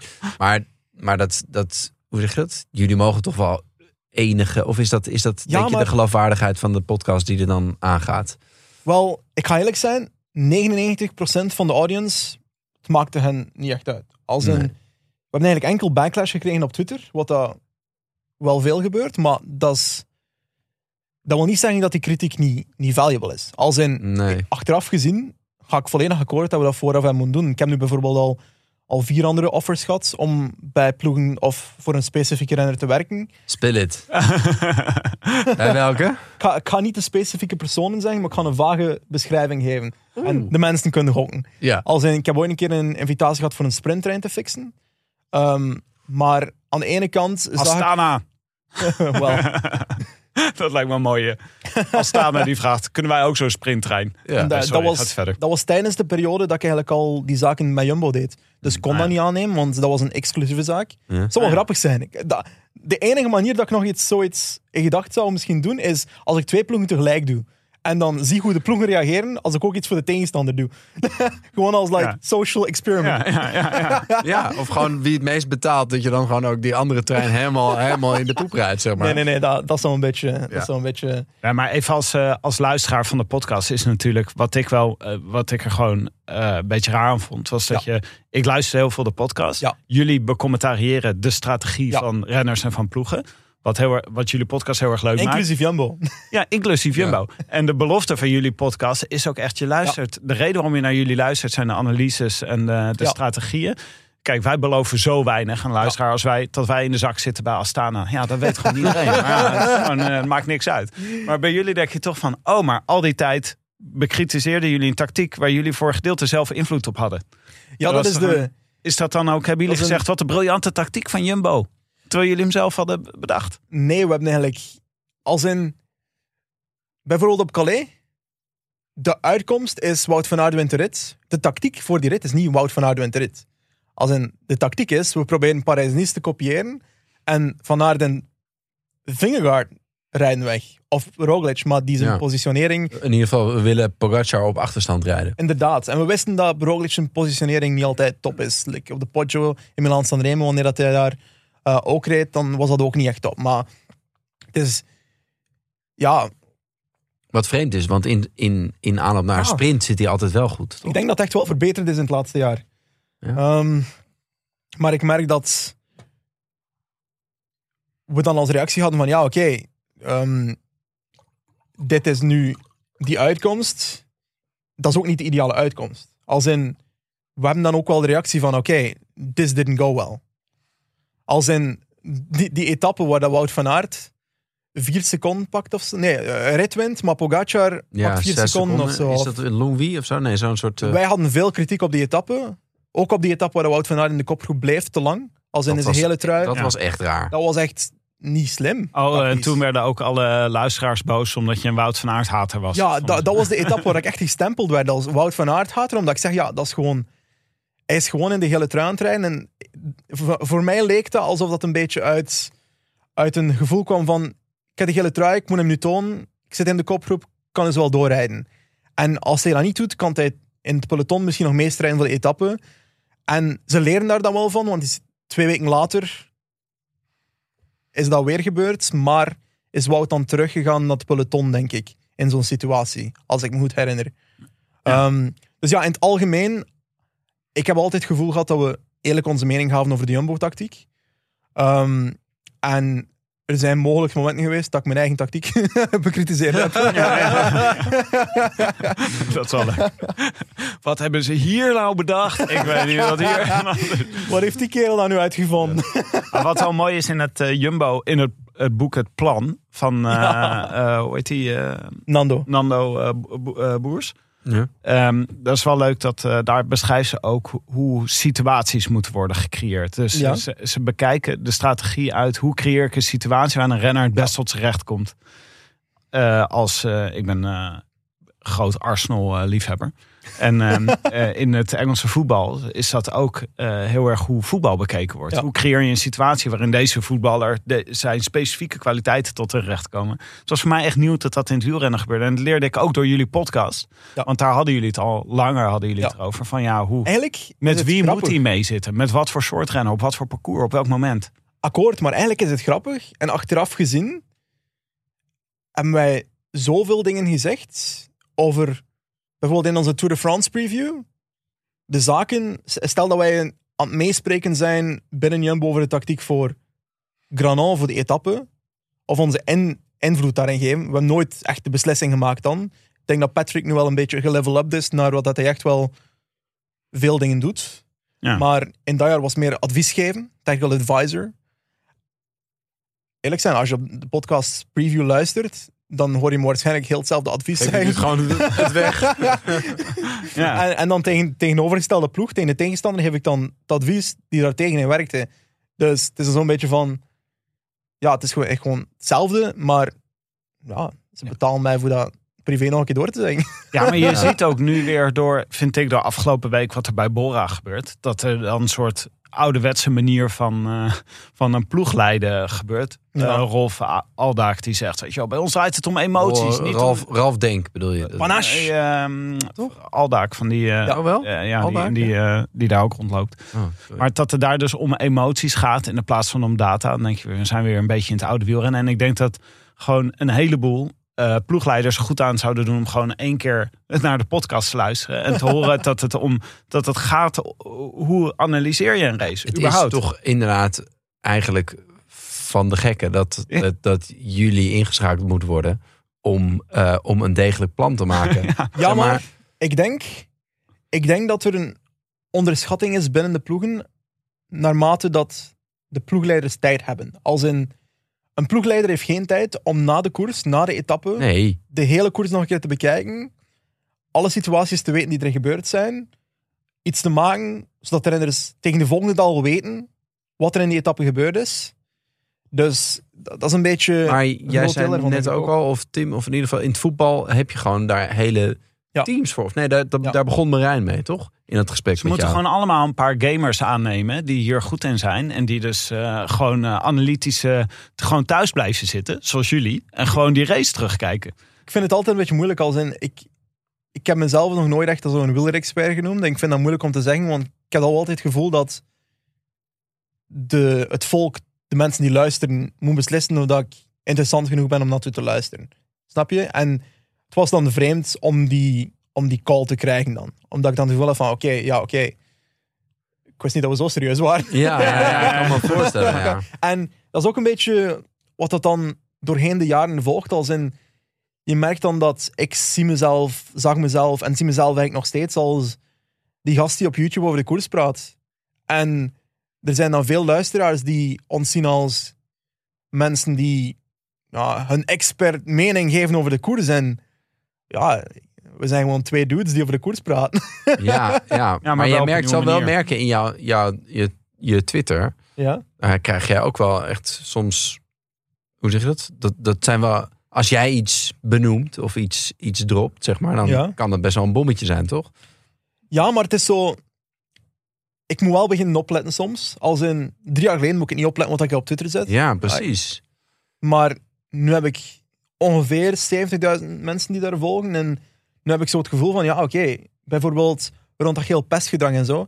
Ik kan niet zeggen, ja, Kion is dat aan het uitvinden, want dan ben ik aan het victim blame. En Mm. geef ik die mening aan 70.000 mensen. Ja. En de omgekeerde mening, ik kan ook niet zeggen, ja, Bora, dat zijn allemaal ambetante mensen die Precies. Kion aan het pesten zijn. maar dus dat doen wij wel. Dat is helemaal, Dat we. dat, dat, dat, dat nemen wij voor jou We vullen waar. elkaar perfect aan Ja. eigenlijk. eh, Nee, maar ik snap dat je dat, en dat is ook goed dat je daar, ik durf dat je, je soms daar bewust van bent. iets niet ik. zeggen, omdat ik bang ben dat ik te veel mensen ga influencen. Ja, Wat dat is vreemd, maar ja. Ik had nog even opgezocht, hè, dat dus bij eh, Arsenal gebruiken ze een statistiek die heet expected threat.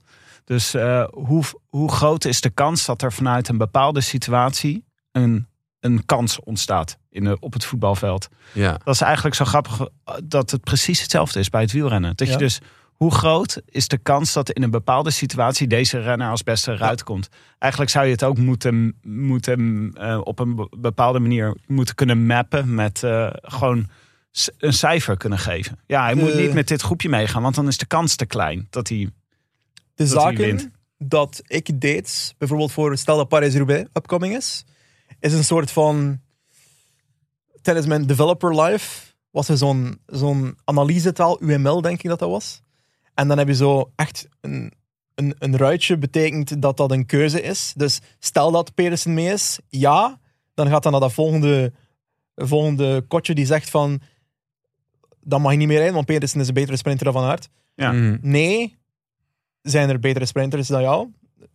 Indien ja, niet meerijden. Also, eh, rijdt, rijdt Laporte mee in de groep achteraan. Dus elke situatie dat mogelijk was in de koers, of zoveel mogelijk, want je kan nooit elke situatie voorbereiden, zoveel mogelijk vooraf weten hoe dat je daarop moet reageren. Stel dat stel in Granon je situatie hebt dat Vingegaard en, en Roglic samen met Pogacar op de, op de slopes van Galibier zitten. Wat dat, we, hebben dat, we hebben dat ook gezien in action.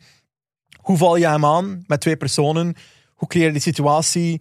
En da- dan leer je daardoor, ja oké, de reden dat ze dat dan doen op de, op de lagere gradients, is omdat er dan meer draft is. Mhm. En als Pogacar dan op Roglic moet reageren, dan moet hij echt al in het wiel zitten om...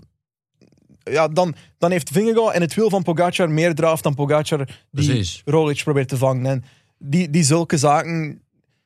Granon is eigenlijk een soort van etappe die komt omdat al die voorbereidingen van de ploeg, en een beetje van mij ook, en voor een beetje van Patrick ook, dat allemaal een beetje samenkwam in één etappe. En het ging goed. Het kon ook allemaal slecht geweest zijn, want laat ons eerlijk zijn, op Granon leek het even niet goed. Als Nee. in elke Jumbo-renner verdween. Ja, ja, zeker. Oh, ik dacht, ze zijn weer veel te vroeg gaan rijden. Dat gevoel had ik. Van, Ja. Het was, eh, was te En- vroeg begonnen.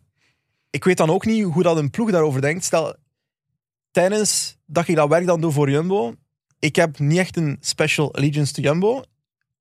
Ik geef mij advies. En of dat zij winnen of niet, dat maakt mij eigenlijk niet uit. Wat dat, dat is Nee, vreemd want- voor te zeggen, hè.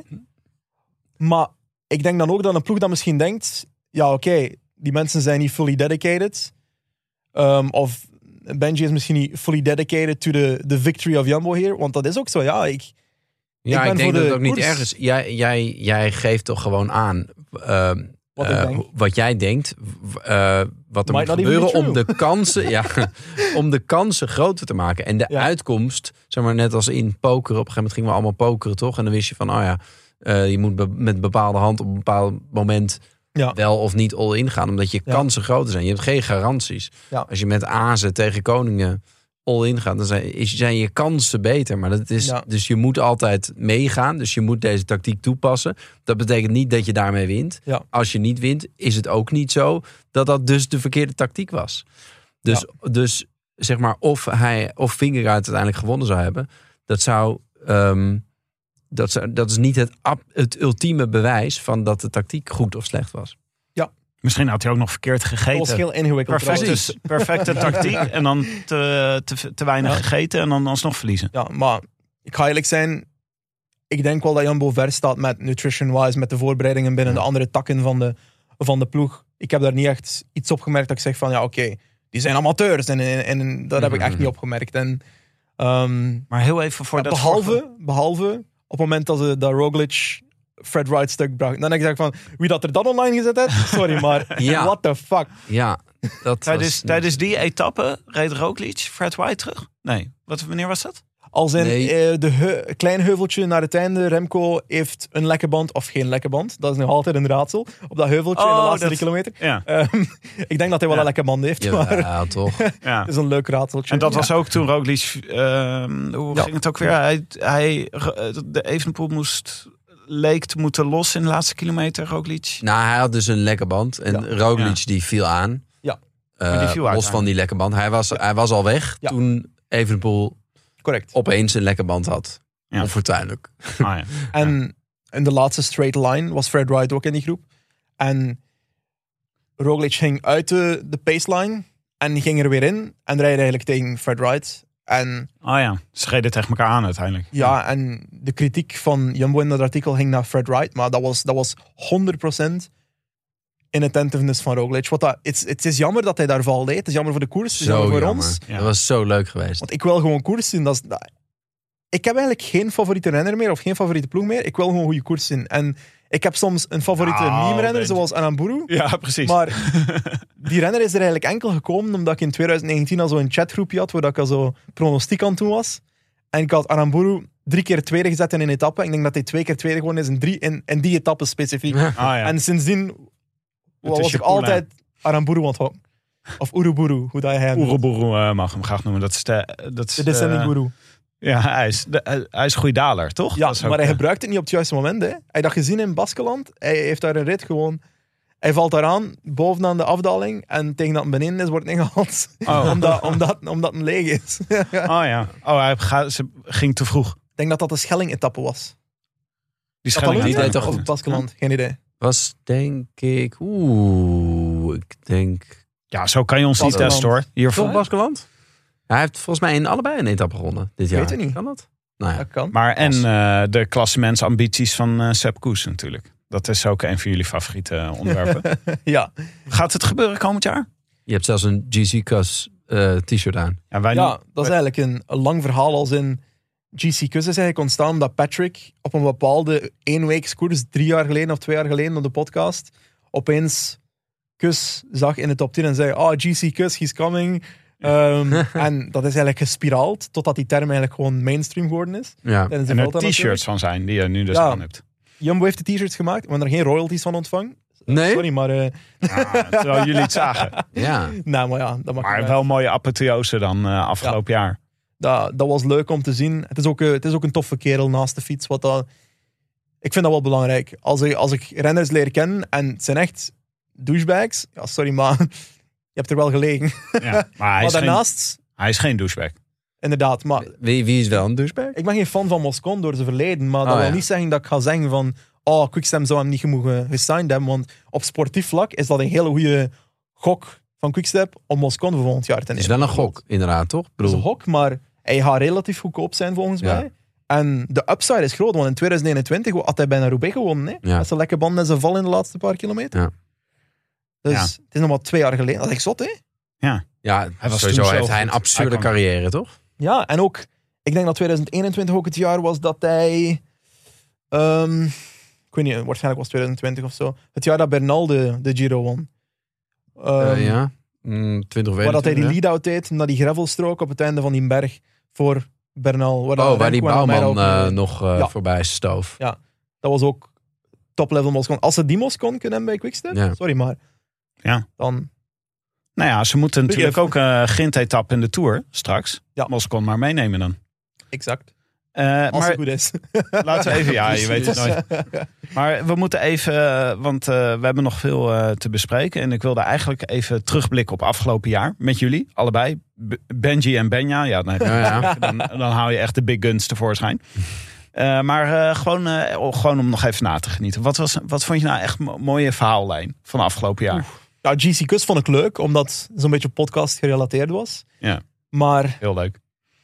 verhaallijnen doorheen het jaar. Ik ga eerlijk zijn.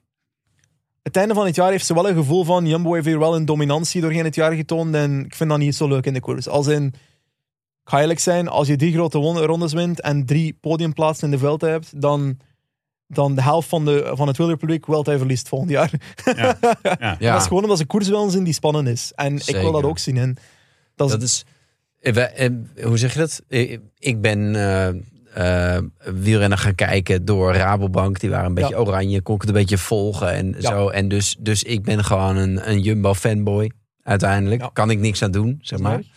Ehm, maar zelfs ik heb dat. Dus dan, gaat- dan gaat Jorgensen wordt eh, binnengehaald en nu dan uit de broeks, eventueel, wellicht. Ehm, en ehm, aan de ene kant, dus, dus de fanboy in mij denkt, ah, eh, te gek, want het zijn goede aankopen. En ik denk ook, ja, maar pff, jeetje. Zou, het zou natuurlijk veel leuker zijn als, als die spreiding groter is. Maar goed, eh, alles spitst zich toe in, eh, op eigenlijk Jumbo, UAE, Ineos. Wat Maar was dan natuurlijk- Bora, Trek. Nou, maar was wel een leuk moment natuurlijk in de Tour. Toen nog in Baskeland was. En UAE zeg maar, zich gedroeg zoals je dat van Jumbo eigenlijk zou verwachten. Want die begonnen gelijk vanaf etappe 1 super Ja. dominant te rijden. Ja. Hele ploeg op kop, aanvallen. En dat was natuurlijk wel een mooie verhaal. hè, Want het had toen had het nog alle kanten op gekund. Ja, dat is waar. En ik ga eerlijk zijn, UAE is zo'n beetje een speciaal ploegje. Als in, ze hebben eigenlijk de setup van zoveel mogelijk UCI-punten te winnen. En ze hebben eigenlijk heel veel leiders. En als je dan ziet dat ze vier renners als leider naar Catalonië bijvoorbeeld zijn. This race is made for drama. Ja, ja, ja, dat is leuk. Ayuso, Almeida, heel die Ja. lijst. En ik denk dat dat in 2024 misschien nog meer gaat worden. Als in, misschien dat we dat in een grote ronde hopelijk een keer gaan zien, een beetje drama.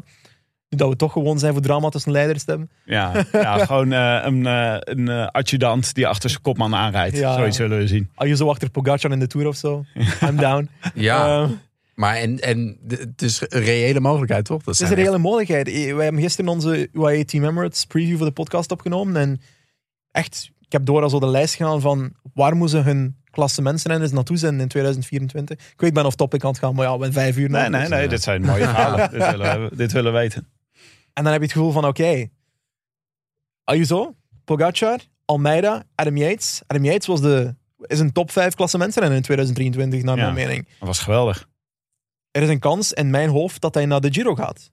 Pogacar lijkt mij meer Tour de France gericht. Ook al, hij wil de Giro doen, maar hij wil alles doen. Dus ja, als, als, hij, als hij mag kiezen, rijdt hij 365 koersen per jaar. Dus waarschijnlijk gaat hij naar de Tour zijn, omdat ze de Tour wil wel winnen. En dan Ayuso en Almeida. Ik zou eerder Ayuso naar de Tour zijn, persoonlijk. Ik wil jullie mening ook, trouwens. En de reden is dat ik... Stel dat je Almeida naar de Tour zendt, hoe gaat dat in godsnaam het moeilijker maken voor Vingegaard om die koers te winnen? Hij rijdt altijd vijf meter achter de klassementsgroep. En Ayuso die gaat durven aanvallen, ook al weet hij dat hij misschien tijd verliest als gevolg van die aanval. Heeft dat zo echt de... Ja, de... Grinta. I can do this. Grinta. De, de panache voor dat te proberen. Ja, dat is beter. De, en Almeida had ik dan het gevoel van, ja, je was relatief dicht bij de Giro, als een derde in de Giro in 2023. Roglic gaat niet naar de Giro. Remco gaat niet naar de Giro. Pogacar gaat waarschijnlijk niet naar de Giro als hij in dezelfde ploeg zit. Als jij naar de Giro gaat, kan je mogelijk samen met Adam Yates twee man op de podium hebben in de Giro. En dan heb je Ayuso en Pogacar in de Tour. Ik denk niet dat ze het op die manier gaan doen, want Almeida Die zal toch heb- ook wel een keer naar de Ik heb- Tour willen. Fun, fun story. Ik heb één gesprek gehad met Almeida ooit. Dat was twee maanden geleden op Twitter DM's. Over het feit dat. Ik weet niet of dat jullie het remotely voor een YouTube-drama. KSI eh, versus Tommy Fury boxing fight. Hm? Um, Nee, influencers boxing Ja? fight. Oh ja, ja, ja. We waren aan het praten daarover. Met hem. Met hem. Als hij, hij- begon er gewoon over te praten, randomly, omdat ik er een tweet over gezet had. En ehm, uiteindelijk ging het over de Giro en hij zei van, ja, ik heb echt gewoon geen zin om de Giro nog een keer te doen. Dus ik denk niet Ah, dat hij nog een keer de nee. Giro gaat doen, maar hij zou eigenlijk de Giro moeten doen. Ja, en eh, misschien Ja. gaat de ploeg wel eh, dwars liggen. hè? Dat, eh, Precies om de reden die jij noemt. Dat ze misschien Almeida of dat ze Ayuso en Yates zou toch ook alweer mee moeten naar de Tour. Ik heb een oplossing. Cycling boxing fight. De winnaar gaat naar de Tour. Ja, ja nou, maar heel goed idee. Maar wij hebben al een paar keer ook gezegd van we moeten van die onbesliste races, weet je wel, Amstel Ja. Gold Race, waar iedereen de hele tijd tegelijk over de finish komt. Die moeten gewoon betere dead heat hebben. En boxing is, zou een goede zijn. Ja. Schaken daar hebben wij het meestal over. Denken we ook. Trouwens, wie heeft er Amstel Gold Race vroeger gewonnen? Pitcock of Van Aert? Wat is jullie mening? Ik, ik ben. eh, ik, ik kan niet geloven. Ik wil ook niet geloven dat daar een setup is. Dus, dan, dus ik kies ervoor om te geloven dat die fotofinish, dat die, die foto van die wielen, dat dat niet gedrukt is. En dat dat is, dat is de afspraak natuurlijk. Ja. Dus dat ik is. denk niet dat het getruckeerd is. Ik denk dat er een fout was in de setup. Als een, een, een misalignment van de camera. Als in... Een camera moet, x aantal centimeter, moet binnen de x aantal centimeter boven de fysi- eh, voor de fysieke lijn staan. Hm. En op Twitter was er iemand die zag de in-depth eh, de finish in 3D gecreëerd had. Ja, op de computer om dan te zien wat dat de afstand zou kunnen zijn. En die conclusie daar was dat het te groot was. ehm, vergeleken met de, de regels, mhm. de UC-regels. En dan had ik het gevoel van, oké, als dat het geval is en Pitcock is de opkomende man, geloof ik dat Pitcock gewonnen heeft. Mhm. Maar ik wil dat Van Aert nu ook niet aandoen. Maar Ja. ja. Van Aert hater. Zo hé. alweer. En, en het ergste is, ik, ik, ik zie Van Aert heel graag rijden. maar Ja, ja, tuurlijk. Wie niet. Maar, ehm, ik hoop ja, dat hij altijd tweede wordt. maar ja, dan, dan nog moet je bijna, want ah, is, is het zo dat, dat die renners op die manier eh, die finish, zeg maar, is dat die millimeters waar we het hier over hebben, moet je niet gewoon dan zeggen van het is die fotofinish, dus, dus die, die is leidend. Zeg maar, snap ik bedoel? Had, had iemand iets anders kunnen doen? Ja, er is een UC-regel, maar ik weet niet of dat enkel toepasselijk is op kampioenschappen of niet. Die zegt van als het een dead heat is, wat wil zeggen als, als het te dicht is om te zeggen wie dat er gewonnen heeft, moet de laatste duizend meter Ja. gereden worden tussen die twee renners. I want it. Hier Ja. hebben we het over gehad. Dit is echt, dit, het, zou zo mooi zijn. toch? Ja, ja, dit ja. willen we toch. Dit wil, in, in UAE was dat namelijk ook daar. Ja, met dat die is, oh ja, dus een van de verhaallijnen die eh, de, de Ewan, eh, de, de, de ongoing Ja. downfall van Ewan eigenlijk in Ja. 2023. Waarbij hij eerst in UAE t- tegen Merlier aflegt, maar op basis van gewoon zo van, nou, ik vind dat die, dat die Quickstep heeft gewonnen, toch? Dat was, dat was ook niet te zien. Daarna in de, in de Montserrat, waarbij Ja, waarbij op een andere foto toch ook weer... Hij had hij zelf get- getweet, geloof ik. Ja. Kind of think I won. Ehm, en uiteindelijk resulteerde dat in dat hij uit de... Of het resulteerde er niet in, maar is hij, is hij uit de Tour gestapt natuurlijk. Dat vind ik Ja. ook wel een van Weg de bij zijn ploeg. leuke dingen aan uh, afgelopen jaar. maar ja, gewoon leuk om te volgen, toch? Dat is wel... ehm, Ja, maar dat, wij, wij zijn er echt eh, voor de drama aan de popcorn hoor. Ja. Dat is echt. eh, ik hoop echt dat hij terugkomt. Want, en ik, ja, het is, het is een... Ik vind het een geinige renner. Ik denk dat hij gaat terugkomen. Ik denk echt wel dat eh, het creëert opties binnen de ploeg van Jake. Ja, laten we eerlijk zijn, ik kan niet achteruit gaan. hè. Nee, nee. Maar ik herinner me nog, was dat niet in Gent-Wevelgem dat hij een van de eerste over de eerste Kemmelberg kwam of zo? Nou, hij heeft hele vreemde klimprestaties. Ja. B- b- eh, op de Poggio ook. De Poggio reed hij ik echt handjes op eh, het stuur, niks aan de hand. Niks aan de hand. Reed hij gewoon boven als tweede over de Poggio volgens mij. Ik weet niet of, het, eh, of hij het in Gent-Wevelgem ook een keer heeft Ik gedaan. denk dat we een terugkomst gaan hebben van Caleb volgend jaar. Als Ja, in, je gaat naar de. Giro waarschijnlijk, denk ik. En veel befaamde hot takes dit. GC Ewan. Dat was een van de hot takes, denk ik. Wow, dit is zo, zo hot vind ik die take nu ook niet. Nee. Ik, heb al, ik heb al hetere takes gehad. Hebben jullie eh, afgelopen jaar, eh, wat is iets wat heel veel losmaakte onder de luisteraars? Hashtag Cav to the Tour was iets groots. Als in... Ik had eigenlijk... ehm, wanneer ik Cavendish naar Quickstep ging, had ik voor te lachen gezegd op de podcast, ja, ik ga de World Tour koers winnen. En Patrick zat te lachen met me. En heel de audience zat te lachen met me. en uiteindelijk begint hij dan te winnen in de Ronde van Turkije of zo. Denk ik, dat hij een rit gewonnen heeft. Ah, ja. En dan begon, die, begon ik te tweeten van hashtag after the tour, ja. bla bla bla.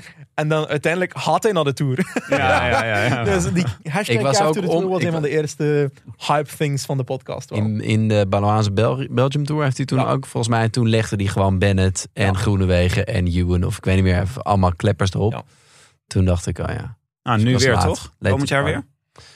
Ja, nou ja, wat denk je? Gaat hij, gaat hij het pakken? het Ga record? niet winnen op de Champs-Élysées. Niet op de. Champs-Élysées. Het is geen Champs-Élysées. Oh, dat Ah, klopt, ja. ja. Die Ja, tijdrit Nice. in Nice wordt moeilijk. Ja. Ehm, Het is moeilijk, want Alpecin is zo dominant in, in sprintritten. Als in, in de Giro, in de, in de Tour en in de Vuelta. Als in de Giro was het iets minder. Als in Groves heeft daar wel gewonnen, maar geen vier ritten. Ehm, maar de Tour en de Vuelta was dominant. Ze hebben daar de trein voor, ze hebben daar de sprinters voor. Philipsen is gewoon een stap voor. Niet enkel qua speed, maar ook... Hij verbruikt minder energie naar de sprint toe. Deels door zijn ploeg. Maar deels door het feit dat hij hem ze- zichzelf enorm goed kan positioneren hij is zo compleet. die kan door gaten springen dat ik zelf niet zie op een camera. Dus Ja. die kan opeens ergens anders zitten in het peloton. En dat is echt... Dat eh, ja, natuurlijk, ze zijn niet de, de meest clean Nee. sprinters, eh eh, Philipsen en zo, maar uiteindelijk, je moet nog altijd appreciëren wat ze daar getoond hebben in de Tour de France en is gewoon de beste sprinter ter wereld. En dat maakt het moeilijk voor mij om nu te zeggen, oh, oké, Cavendish gaat daar iedereen erop leggen. Heeft wel die ene etappe gehad dat hij daar zijn, zijn Mhm. ketting doorging of zo. Ehm, Ja, Cavendish, waar Ja. dat hij even weg was. ja. Philipsen ging misschien nog winnen, maar Bovendien had, maar goed, zo wil je natuurlijk niet winnen. Aan de andere kant, je 35ste of wat is het? ja. Zwaar. Eh, had Philipsen daar ook eh, gedisqualificeerd kunnen worden. Ja. Toch? En het kon eigenlijk al allemaal verleden tijd zijn. Hè? Als Quickstep, ik denk dat rit 19 was in het laatste jaar bij Quickstep. De etappe gecontroleerd voor Cavendish die dag. Had hij op de Champs-Élysées misschien nummer 35 kon in plaats van nummer 34. Als die, die etappe, dat, wa- dat was die etappe waar dan Movistar in de koproep ging op een vlakke etappe. En dan, de koproep was bijna gevangen. En alle Movistar-renners gingen terug naar het peloton, Garcia Cortina en zo. En dan ging de koproep weg. Dus ja. direct gewoon Oh, ja. iedereen teruggenomen en de koproep was weg. Zonder Movistar-renners. Oh, Ja, typisch. een van de grappigste dingen van die oh ja, ja, ja, ja. ja, en wie won hem toen ook weer? Ja, ik weet het nog. Ja, schitterend. Dat was echt weer classic. Classic stuff. En eh Benja, een, eh, wat is een renner die jou uitermate verrast heeft afgelopen jaar?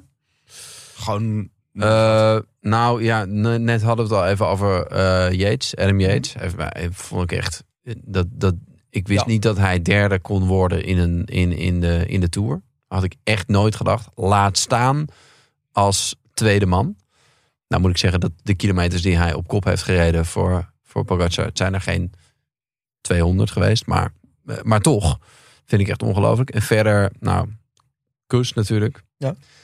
En ja, bijvoorbeeld Skel Mozen vind ik ook wel echt een hele, dat vind ik een fascinerende renner, want die, die, het is zo'n spichtig ventje. Maar die, die is ook heel goed eh, met wind, met tijdrijden. Die, kan, die is zo compleet.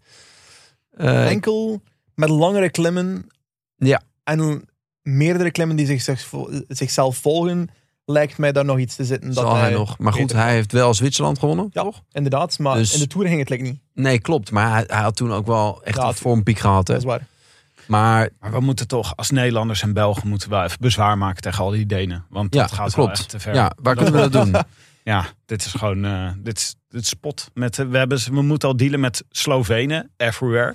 ja. Dan krijgen we ook nog Denen, everywhere bij. ja, de Deense wielrennen, het, is- het is eh, ja, hoogtijdagen. En, en eh, nog een verrassing? Heb je nog een verrassing, Benji? Ik denk dat er wel veel renners waren die zo'n stap naar boven gedaan hebben. Bijvoorbeeld bij de vrouwen, Niedermayer, Bauernfeind. Dat zijn renners die bij de jongeren, bij de Generation ploeg van Canyon, echt wel zeggen van, ja, oké, Bauernfeind, weer Ricarda heet. Ja. Ja. Vind ik ook echt Ik ben een naam. van Ricarda Bauernfeind. Ja, en Antonia Niedermayer, ook zo'n naam van, damn, she's about to destroy this mountain. Ehm, maar uiteindelijk, Realini heeft daar ook een stap vooruit gezet. Wat dat, je kan zien in het jaar ervoor dat ze talent heeft. Dat ze elfde of zo in de Giro mm, Don was. Maar dan uiteindelijk, dat ze dan bij Trek komt. En ook UAE Tour kon ze gewonnen hebben eh, van Longo Borghini als ze bij een andere ploeg reed, volgens mij. Ehm, maar als ik dan echt renners heb die uit het... Voor mij uit een plaats kwamen waar ik niet verwacht dat ze naar, naar dit ging gaan, was Derek G. Ik totaal niet zien aankomen. Ja. Felix Gal. Ja, oh ja. Die, die stap was huge. Dat, eh, die was de vierde beste klimmer ter wereld in de Tour de France, volgens mij. Ik vind dat. Tijdrijden, ramp. ja. Maar eh, dat was ook omdat hij er nog niks voor gedaan had, dacht ik, binnen de ploeg. Had nog niet Ehm, geoefend. Zoals Michael ja. Matthews. Nou. Volgend jaar rijdt hij op een Van Rijssel en dan komt het allemaal goed. Toch? Wat? Hij, of, eh, is- hij zit toch bij AG Dezert tegenwoordig Decathlon. Die rijden op, volgend jaar op een Van Rijssel fiets. En die, wordt, die zijn ze... Ze eh, weten van Reis of iets? Van Rijssel, ja. Dat is van Decathlon, ehm, is de nieuwe sponsor. Dus Decathlon HDZR. En Van Rijssel is de nieuwe fietsbrand in plaats van BMC. Omdat Van Rijssel onder Decathlon hoort. Maar blijkbaar zijn de Van Rijssel fietsen beter dan dat je zou denken. Als je zegt, het is een Decathlon fiets, dan denk je, oké ja, Oh ja. het is mijn budgetbike dat ik er haalde voor 500 euro in een, in een Aldi. Nee, het is echt een goede, het is echt een goede fiets. ja. Blijkbaar. Proberen ze Blijkbaar. ons te doen geloven in elk Ja, geval. blijkbaar. Maar Oliver Nase heeft het gezegd. Dus dan... Oliver Nase, geen familie hè? Van jou. Moeilijke vraag. Moeilijke vraag, weet je niet zeker. Als in, er is een connectie, maar het is niet zo relevant. Oh ja. Ja, we doen gewoon alsof het je oud oom is. Ja. Lijkt me een goeie. Nonkel Oliver. Ja. Ja, Onkel Oliver. Dat is, eh, nog even over eh, wat het favoriete drama van afgelopen jaar. Zeg maar, Oeh. eh, niet, eh, niet eh, verdriet, maar... Wel, de eerste helft van het Kian-drama was hilarisch. Maar de tweede helft heeft het eigenlijk verpest. Hmm. Ja. Maar andere nam een- grappige nam drama's... een grimmige wending. Maar bedoel je afgelopen jaar? Ja, gewoon eh g- grappige, re- be- le- leukste relletje om te volgen uit het wielrennen. Ik vond de, de relletjes dit jaar ook gewoon een beetje ambetant. Als in de, de drama binnenploeg Jumbo-Visma. Eerst is dat grappig, maar dan wordt dat een beetje Ja, dat, ambetant om te zien. ja, ja, het is wel jammer als het gewoon een eh mean streak krijgt. Ja, Maar bijvoorbeeld, eh, vonden jullie niet leuk eh, FDG tegen Jumbo? Dat was, Ja, dat was toch, wel- eh, dat was wel een goeie. over, eh, Oh, met de halve liters. ja, Ja. Brugge die zei ze zitten hier de hele tijd halve liters te drinken. Dus eh, dat, eh, Ja. zo ongeorganiseerd zijn wij niet. Waardoor alle Fransen boos waren. Ja. En ik ben, ik ben dan vooral curieus, nieuwsgierig wat dat er achter de scherm gebeurt. Want al die ploegmanagers zitten allemaal samen in de AIGCP. Plugge is daar voorzitter van. Ja. De, de groep van, van, van ploegen, zo gezegd. En de helft van die ploegleiders moet Plugge toch compleet haten. Als je dat hoort. Vasseur ook op Twitter een Ja. paar Get dagen out. geleden. Get out! Ja, jullie legden wel mooi uit. Ik ben dus, ik volg alles wat Lefebvre doet. Want dat is, daar haal ik veel van mijn energie uit. Maar dat Lefebvre zo afgelopen weekend dat met Kian Uiterbroeks gebeurde. En Lefebvre vervolgens direct zich meldt op eh, Twitter om er wat van te vinden. Ja, en in twee richtingen. Hè. Als in, eerst en vooral zei hij... Dat contract, er moet eigenlijk een, een tri, tri- Ja, triparty drie. agreement. Ja. Eh, tripartite agreement. Dus drie partijen, de, de renner en zijn agent en de twee ploegen moeten een agreement hebben. Ehm, en zo moet dat werken. Natuurlijk gaat hij dat zeggen, hè, anders is de Remco weg volgend jaar. Ja, ja maar dat reden. ik dacht, dit is gewoon weer typisch Lefebvre die dit zegt. Die gaat zich ergens mee bemoeien waar hij gewoon zijn mond moet houden. Maar dit heeft alles met Evenepoel te maken. Want hij is gewoon bang dat Evenepoel ook onder zijn contract uit kan komen op deze manier. Exactly. En dan de volgende stap was dat Ik ga hij toch daar... nog even een veeg uit de pan geven, toch? Ja, de, de veeg uit de pan naar Bora ook. Ja. Eh, want hij begon daar opeens over eh, Ralf Denk, de, de teammanager van, van Bora, van, op een manier van... Ja, oké. is- eh, basically, naar mijn mening, noemde hij hem indirect een snake. Ja, ja. Als in, hij zei dat ehm, in de tijd dat hij Remco probeerde te signen, als afgesproken, Lefevre en Denk, dat ze gingen wachten tot een bepaalde datum. En Denk heeft daarvoor contact gehad met Remco. Ja, oh, drama. Ja. Ja, en als- zo zie je dat er zoveel vetens zijn in het wielrennen. Iedereen is self-interested. En soms is dat ambetant. Gewoon omdat je... Als er een ploegmanager iets tegen mij zegt... Of dat dan nu UAE is of Jumbo of, of Quickstep... Ik, ik weet niet of dat ik dat moet geloven. Ja, ze kunnen dat gewoon zeggen door het feit dat ze willen dat ik die mening heb. Ja, het is ook natuurlijk gewoon een probleem dat er geen concrete afspraken zijn over transfers in het wielrennen. Dus het is allemaal nog een beetje achterkamertjes en wie mag wie en eh deeltjes van managers die er eigenlijk niks mee te maken hebben. Ja. Wat ook een opmerkelijke gang van zaken is. Maar dat maakt het in het wielrennen natuurlijk ook voor ons extra leuk om te volgen. Vooral als zo iemand Ja. als Lefebvre dan denkt, ik neem een column waar ik gewoon alles in opschrijf en iedereen er langs geeft. Veel energie om uit te halen. Laten we dan ook nog even, eh, even een klein beetje vooruitblikken. 2024. Is, eh, denk je dat nu dat ze bij UAE, dat ze daar een UAE zoals. Het is een beetje raar om te zeggen. UAE. Dat ze nu daar ook met een eh, flip overboord aan het bedenken zijn hoe ze Jumbo gaan verslaan. Of denken ze, we proberen het gewoon nog een keer en dan gaat het wel goed. Hebben jullie, is er een concurrerende podcast eigenlijk? Die, die dan is binnengehengeld door eh, UAE, of niet? Nee. Ja, misschien, Ehm, eh. Jullie hebben geen concurrentie.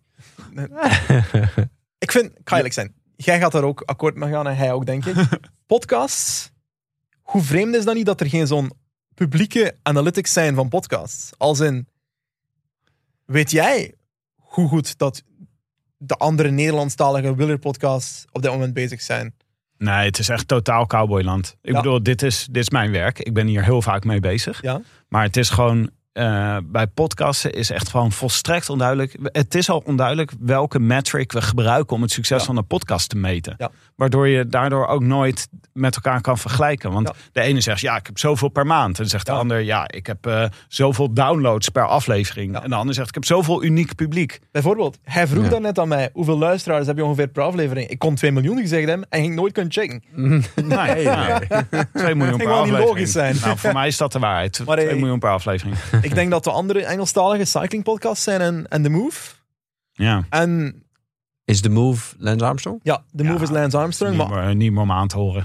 ik, ga, ik ga eerlijk zijn, elke keer dat Lance Armstrong daar iets zegt, heb ik het gevoel van, ja oké, je hebt de helft van het jaar niet naar, naar, naar de koers gekeken. En je hebt enkel deze koers gezien. En het is duidelijk dat je die renner niet kent. En ja, ja. dan heb ik al zo, ja, Ja. Een beetje zoals de, de Ja. NOS-verslaggeving. ik vind Spencer Martin... Wel eens echt goed. was. Spencer, Spencer Martin. Martin, op de Ja. Move. Dat is een goede host, in, naar mijn mening. Toffe kerel, ook naast de podcast. Ehm, en Bruneel vind ik ook af en toe wel interessant. Dus die, die twee samen vind ik echt wel een goed duo daar. Ja. Ehm, en dan had je cycling podcast. Ga eerlijk zijn, ik heb soms het gevoel dat ik zo met koers bezig ben, dat ik niet echt nog een keer naar extra cycling podcast wil luisteren. Mm, mm. Nee, dat snap ik. Je, kijkt al, je kijkt al alles. Dan moet je ook nog zelf podcast maken. Dan ga je niet daarna nog eens lekker rood lantaarntje, live slow, ride fast. In Nou, Rood Lantaarn altijd, hè. Ja, ja, Ja, ja, nee, precies. vanzelfsprekend, vanzelfsprekend. Maar heel even over die. eh, Ik wil nog heel even vragen over. Denk je nu dat ze bij UAE dat ze daar nu al op een structurele manier over gaan nadenken zijn? Ik, ik denk het wel. Ik denk dat ze dat al proberen sinds dat het mislukt is, twee jaar geleden. Dat ze, het begint allemaal met zelfevaluatie, niet enkel met competitieve analyse. Het is niet enkel, waar is Vingegaard zwak? Kunnen we hem daar aanvechten? Ja, je, je kan niet met twee handen rijden. maar zonder handen, zonder, sorry, sorry. Ja. Je kan niet zonder handen rijden. Niet met handen. Dat zou vreemd zijn. Elke koers zonder handje aan het handen. ik kan niet zonder handen rijden, maar ik denk dat ze niet kunt profiteren daarvan. Ehm, maar eh, ik denk dat het eerder komt van... Oké, Pogacar is naar de Tour de France gegaan in 2023. Hij is heel goed gestart. Hij was echt competitie voor Vingegaard. Tot het moment dat Vingegaard een langere klim nodig had. En moest beseffen dat hij mogelijk nog kon terugkomen als hij zijn eigen tempo reed. Zoals op Jouplan heeft hij dat gedaan. Ja.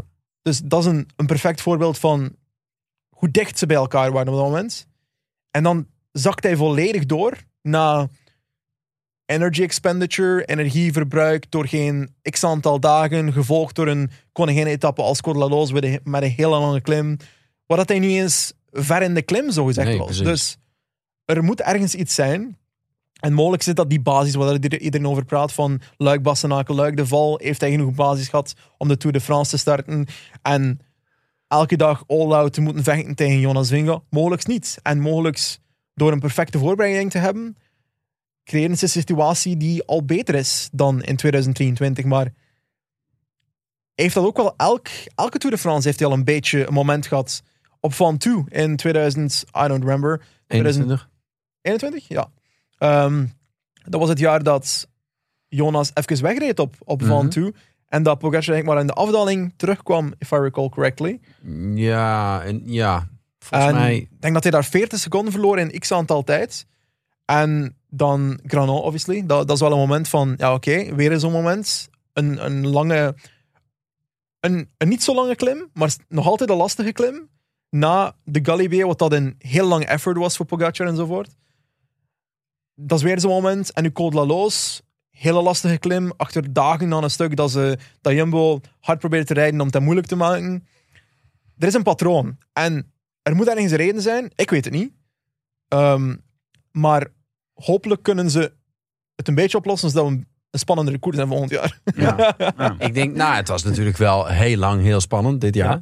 Maar ik, ik ben, ik, ik zou vrezen dat, dat eh, zeg maar, dat die al dan niet gebrekkige voorbereiding Ja. eh, doorwerkt naar volgend jaar. Omdat, omdat ze denken van, Mhm. het, het zat hem daarin. ja. Dus we kunnen het gewoon hetzelfde aanpakken. En dat het eigenlijk niet daarin zat. En Dat dat, is hij dus weer eh, volgend jaar ergens het af moet leggen te- op een lange klim. Af en toe zeggen jullie heel slimme dingen op de Rode Lantaarn, weet je dat?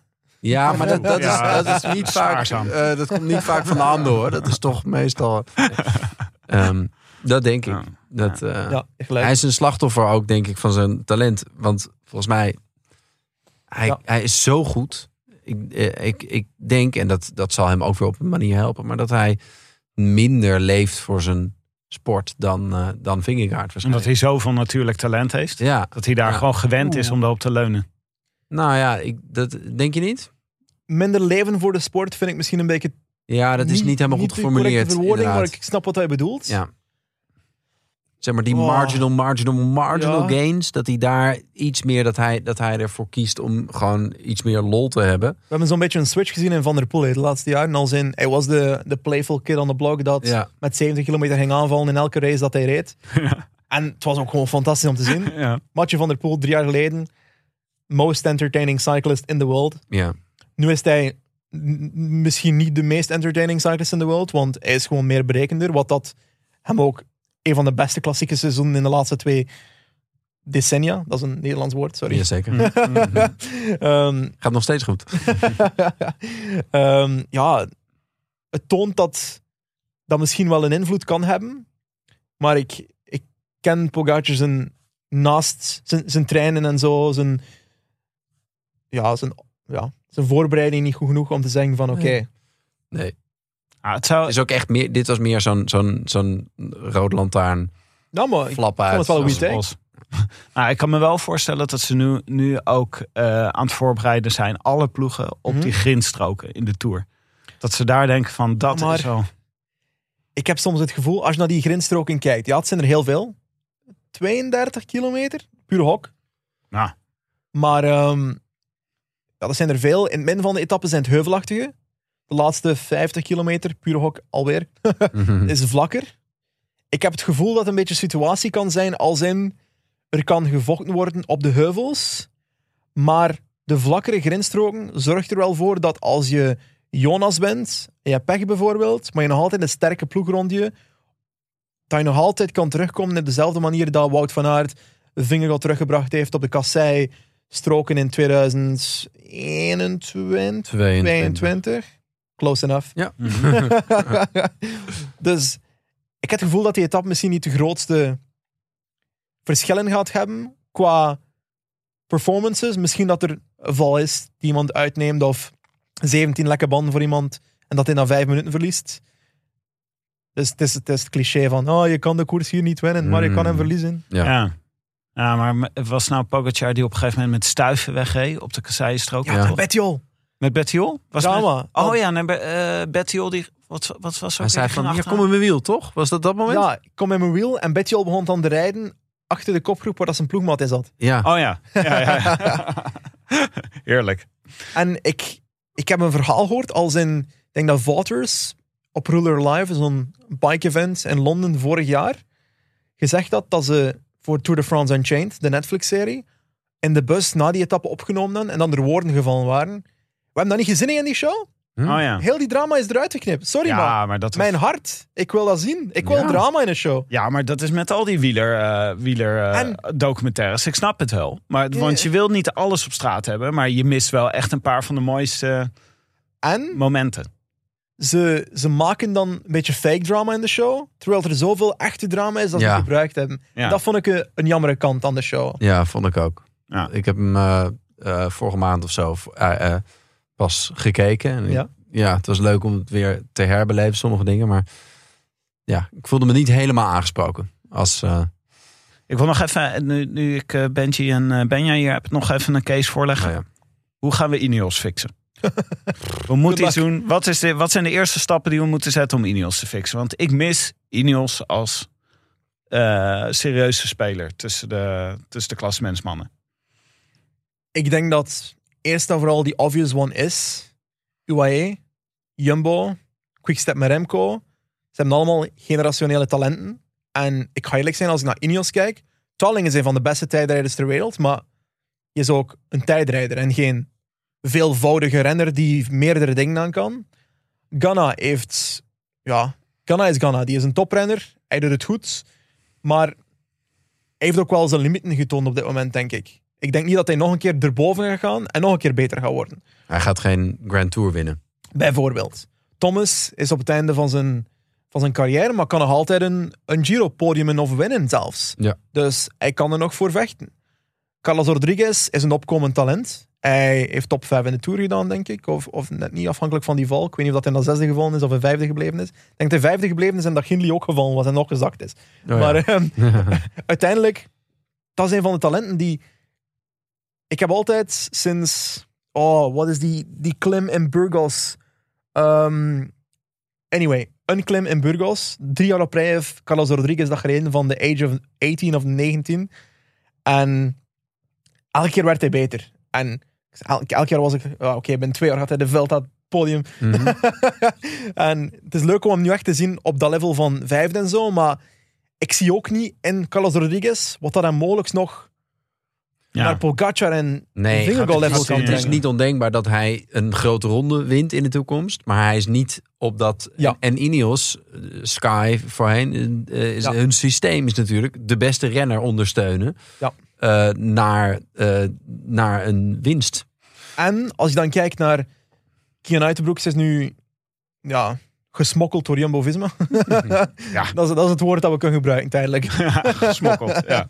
En als we dan kijken naar Roglic dat naar Bora gaat, er zijn niet veel kansen om een talent die mogelijk zijn grote ronde kan winnen aan te nemen. Maar, Dus wat- maar dat is toch ook ongelooflijk eigenlijk. Hè? Dat, die, Ja. dat eh Ineos de hele tijd achter een net vist. Ja. Ik heb ook het gevoel dat ze altijd, als je een, een artikel openklikt Ja. over geruchten, dat de Ineos er wel bij staat. En Ineos is een beetje onaantrekkelijk geworden om naartoe te gaan, denk ik. In plaats, als je jongeren bent en je bent Brits en zo, ik snap het volledig. Ze gaan je wel helpen, ze gaan je op een hoger niveau brengen. Maar ik heb het gevoel dat er veel renners gestagneerd zijn, zo op de tweede lijn. Ethan Hater, bijvoorbeeld. Ja. Van een toprenner qua kwaliteit, maar hij is echt gestagneerd. Hij is, is een beetje blijven staan waar dat hij stond. En dat is een renner waar ik dacht van, oké, die kan hier omhoog gaan en kan hier een B-Tech Sagan, een, een Sagan van de Aldi is misschien een beetje grof, maar eh, nou hoor, prima. AliExpress Sagan. ja, bijvoorbeeld. Ehm, eh, worden. En de- dat is wel niet, ge- niet gebeurd. En Charling is nu degene die doorbreekt, maar dat is ook zo één. Dus weer één discipline. Oppervlakkig. Zeg maar. En dan heb ik het gevoel van. Je kijkt dan die- naar die management. En ik heb het gevoel dat het een beetje achteruit gaat. Het is jammer om te zeggen, sinds dat Nicola Portal overleden is, echt het gevoel dat Ineos achteruit gegaan is. En dat kan volledig toevallig zijn, maar ik heb het gevoel dat hij een belangrijke rol had binnen de ploeg. Ja. En dat een beetje in elkaar zitten zakken is achteraf. En je merkt dan tijdens de transferperiode, de geruchten waren dat, ehm, dat Rod, Ellingworth een lijst had van renners dat, dat hij wou aannemen. En dat Brailsford van bovenaan naar binnen gekomen is en gezegd van... "Ksh," Ja? Hier do- doorgescheurd en zegt van nee, nee, nee, nee, nee. Die gaan we niet aannemen. En En- dan merk maar- je dat en Wat gingen Rodriguez... we dan wel doen? Wat, wat, wat, wat, wat hij wilde niemand aannemen? Of? Ge- Geen idee. Ik heb geen flauw idee wat dat... het- Hij was druk met Manchester United. Ja, ja, ja. Waarschijnlijk. Maar Rodriguez wordt dan gezegd tegen hem: ja, je mag vertrekken naar Movistar. Wij niet nodig. Eh, twee maanden later, oh damn, we hebben Rodriguez nodig. Ja, Movistar, wat ga je nu betalen? Omdat je eigenlijk al een contract hebt gesmeten met Ja. Rodriguez. Omdat wij gezegd hebben dat hij weg mocht. En dat is gewoon mismanagement in mijn ogen. Ja. Dat is gewoon een fout van de management. En nu zijn er veranderingen gekomen. John Allard, denk ik, is nu CEO of managing person, whatever. En eh, Scott Drawer is performance eh, guy. Die ken ik. Dit Deze, zijn deze de- mensen ken ik Dit niet. zijn de titels. het Mm. performance guy. Dat zijn, dat zijn, Ja. ik denk Moeten dat, wij ook ne- aannemen bij de Lantaarn, Jij bent onze performance Oké. guy. dat, zijn, dat zijn twee mensen die in het management een andere rol gekregen hebben. Scott Drawer is misschien ook gewoon nieuw binnen de ploeg. Erviti is nu een DS geworden, denk ik. Nou, ja. Movistar. Dat is ook wonderlijk, toch? Ja, ik dacht dat hij naar Movistar ging gaan. Ja, tuurlijk. Hij is meubilair daar. En Trouwens, Valverde Ah. fans aan tafel. Valverde is niet bekend voor zijn beste strategieën in koersen. Als in op het einde een sprint aantrekken bijvoorbeeld en verliezen. ja. Dat is wel een tactiek die echt in het hart zit van Valverde. Ja, wel, wel laat, eh, Hoe gaat hij- laat Valverde, Ja. toch? Ja, Ja, daarvoor. dat is Ja, waar. Ja. Maar ja, hij, hij ging ook gewoon aan met 700 meter te gaan op een heuvel. Hij was gewoon de beste. Dus precies. hij moest niet. Batido. Nee, precies. Ja. Maar de vraag is dan, hoe goed had hij toen als sportief directeur, denk je? Helemaal niet goed natuurlijk. Nee. Co Adriaanse zei, een goed paard maakt nog geen goed ruiter. Nee, maar ook, we hebben ook wel eens gepraat over het verschil tussen coureurs en fietsers. Sommige, sommige van die renners die vinden het gewoon heel leuk om een sport te beoefenen. En zij hebben niet per se een Ja. superscherpe focus op de allerbeste resultaten. En sommigen eh, die leven echt alleen maar voor de resultaten. Dus je, Valverde staat ook natuurlijk bekend als hij heeft zo'n, die heeft in de omgeving zo'n groepje waarmee hij altijd gaat fietsen. Die kan niet ophouden, weet je wel. Die gaat maar door, heel veel racedagen. Ja. Dat is ook gewoon misschien het type wat hij is. Dat hij gewoon de sport zelf zo mooi vindt. Dat hij niet per se alleen maar bezig is met winnen. Ja. En dan is het misschien niet zo handig om dat bij Mobistar als sportief... Hij is meer mee voor de sfeer gewoon. Hij is gewoon... Ja, het is, Hij gaat dan zo, dat raampje gaat open en dan gaat hij zo... Hé, hey, lekker oeroeboeroe, lekker aan het fietsen. terwijl Mooi hè? Kijk tegelijkertijd om je heen. zijn reputatie is ook dat hij over lijken gaat. Ja, goed. Ja, nou, ja. Dus dat is ook weer... eh, maar nou, ja, ik hoop gewoon dat het voor hem weer één stap dichterbij daadwerkelijk meedoen Ja. in het peloton is. Dat we toch nog een randree krijgen. 2028 Flash Wallon, Valverde, it's coming. Even kijken, ik heb nog een paar vragen van luisteraars. Eh, die moeten we toch eh, moeten we ook even behandelen, Yes. want eh, dat is altijd leuk. Ehm, nou, bijvoorbeeld Bram Berkien zegt... hoeveel uur heb je in Pro Cycling Manager zitten? Oh god. Eh, Durf je dit te zeggen? ik heb Pro Cycling Manager 2023 nog geen, zelf nog niet geïnstalleerd, dus ik ben duidelijk wel gestopt. Weinig uur, laten we het zo zeggen. Nul Ja. daar, maar laat ons zeggen dat daarvoor elk jaar ongeveer tussen de 200 en 400 uur per jaar was. Eh, ja. Wat dat... Ja, ik denk dat er jaren waren waar dat meer was, maar Nou, het Ga doen alsof dat niet zo is. mee, toch? Tenminste. Ja, maar het is ook een beetje als in, je hebt het spel, maar ik had ook al zo de hobby om een, weer een lang verhaal. het spel komt uit in juni. Dat wil zeggen dat eigenlijk halverwege het seizoen uitkomt. Ja. Dat eigenlijk in januari je zes maanden speelt met de ploegen van het jaar ervoor. Ja. Dus ik had de hobby om een database te maken voor dat spel, zodat iedereen kan downloaden. De nieuwe ploegen, zo gezegd, van het nieuwe jaar in januari. Zodat je die kon, in het spel kon installeren. En ik zorg dan ook dat eh, zelfgemaakte statistieken had voor die renners, dat ze dat allemaal childhood hobby's. Hè. Dat is een eh, goede voorbereiding hoor, op een wielerpodcast. Ik- eh, Het is zo dat het begon. Nee. ja, dat is waar dat informatie vandaan kwam. Ehm, en ik heb geen flauw idee waar, waar dat, dat dat antwoord vandaan kwam. Waar is het begonnen? Eh, de vraag was... ehm, Oh ja, hoeveel uur? Hoeveel uur zit erin? Ja, hij vroeg ook trouwens, want eh, hier hebben we nu antwoord op. Hij vroeg ook, welke term die eh, jij met Patrick hebt Oeh. toegevoegd aan het wielervocabulaire, ben jij het meest trots op? Ik denk dat GCQ ze het verst gebracht heeft. maar ik denk dat we eh, wel een paar vreemde termen ook. Ik denk dat hij specifiek in die tweet ook, Bram, mm, zei Rampa en Humana. Maar ik, denk- Rampa en ik denk Humana, dat wij ja. dat niet uitgevonden hebben. Als in, Nee? dat lijkt me iets die al bestond, denk ik. Wat is dit? Dit heb ik gemist. Rampa in Humana Ja? is de Een- term. Een, een klim in de Vuelta die zo stijl is dat Oh. niet menselijk is. Oh, Oké. Ehm maar Tug Buddy is ook iets dat we hebben in de, Ja, in de, tuk Oh, ja. moet ik ook tijd. Gewoon podcast. iemand met wie je graag op stap gaat, toch? Is dat? dat is toch eigenlijk zeg maar degene met wie je graag Ja. de- eh, in een gro- groepje terechtkomt? Bijvoorbeeld de perfecte Tug Buddy als je een, een bergetap hebt, maar het is een vlakke start. En hij is- bent Thibaut Pinot, is er een klimmerke. Ehm, wat wil je? Je wilt Stefan Kung mee om te helpen je een kopgroep te creëren. Om je naar de kopgroep te leiden en een beetje door te rijden, zodat je een voorsprong hebt voor de klim. Dus Kung is de Tug Buddy van Pinot. Ja. En het is grappig, want die termen komen dan zo op Urban Dictionary online staan. Oh ja. En er staan er dan hele grappige descriptions op. Ik weet ze niet van buiten, maar het zijn... En- en- Krijg je dan een mention ook? Of- Ehm, ja, onze naam staat er wel bij, maar dat is het minst Ah, van mijn zorgen. Ik ik vind het leuker dat Leuk. gewoon het te leven zien en de community Ja. feeling around de podcast. Zo. Ja. Ja, ja dat, dat, dat, Dat is wat dat het leuk maakt. Heb je ook, Ja, eh, zijn er ook, eh, krijg je wel eens eh, reacties van renners die, eh, Ja. die je, nou bijvoorbeeld, zijn een van de dreigementen die je hebt gekregen van renners afkomstig? Nee, maar eh, Ja, ex-renner, Jay McCarthy. Ehm, Die heeft wel degelijk gezegd van als ik u ik je tegenkom in, eh, in, een, in een bar in Andorra, dan, Oh, hij dat woont in Amsterdam, toch? Is dat niet zo? Ja, volgens mij. Even, Ik ja, denk dat hij- hij woont in Amsterdam. Heel veel En we hebben een verrassing voor je. Nee! Dat zou het zijn. Kom er maar in. Wat Vanavond grappig. een blauw oog toekomt met Ja. mevrouw. Benji, dat was toch een podcast? Kijk, hij is ook wel iemand waarvan als je gewoon naar zijn hoofd kijkt, dat je denkt, daar kom ik bij terecht in een uh, Oh. vecht. Ja. Gewoon, daar moet, je- als je daar tegenaan loopt, dan krijg je gelijk, heb je gelijk gezeik. Maar, ehm, eh, eh, oké, maar, en, maar ook vaak eh, hopelijk leuke reacties. Ja, ja, ik denk dat mm, 95% van de reacties van renners positief zijn. En ik denk dat de helft van de negatieve reacties zijn renners die een tweet zien, maar de context niet helemaal weten Oh, ja. van de tweet. En daardoor eigenlijk niet begrijpen waar dat vandaan komt. En denken dat iets negatief is, terwijl het eigenlijk iets positief is. Wat dat, dat is vreemd, hè. Als in bijvoorbeeld, denk tijdens de Quickstep merger toestand. ehm, ik was, ja, ik had al heel de tijd zitten tweeten aan de kant van, ja, oké, je moet altijd rekening houden dat er daar mensen achter de schermen zijn die mogelijk zijn job gaan verliezen. Ik heb dan ene keer een grapje gemaakt erover.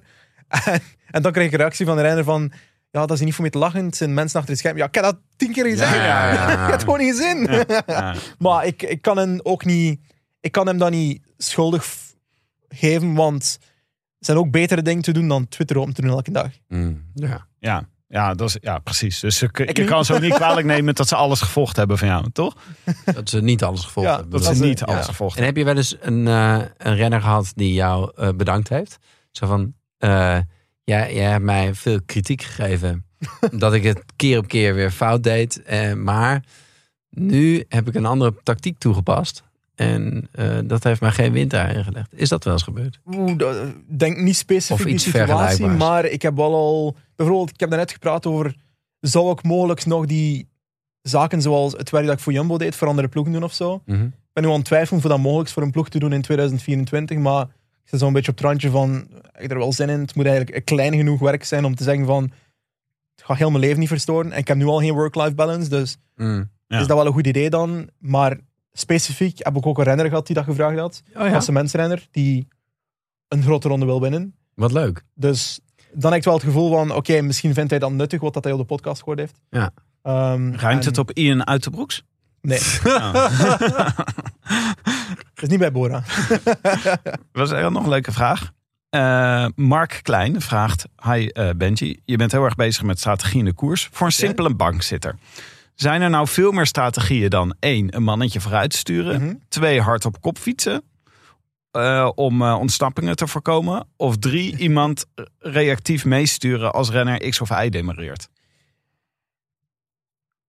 Als in, ja, er zijn meer strategieën. Als in, er zijn zoveel verschillende situaties die kunnen gecreëerd worden. Stel nu dat je in Parijs-Roubaix, het jaar van Gilbert en...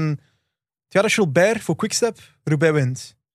Dat is een situatie waar dat ze eigenlijk met de ploeg eigenlijk aan het spelen zijn, want Lampaard zit in groep 2 in het wiel van Sagan, die naar voren probeert te rijden.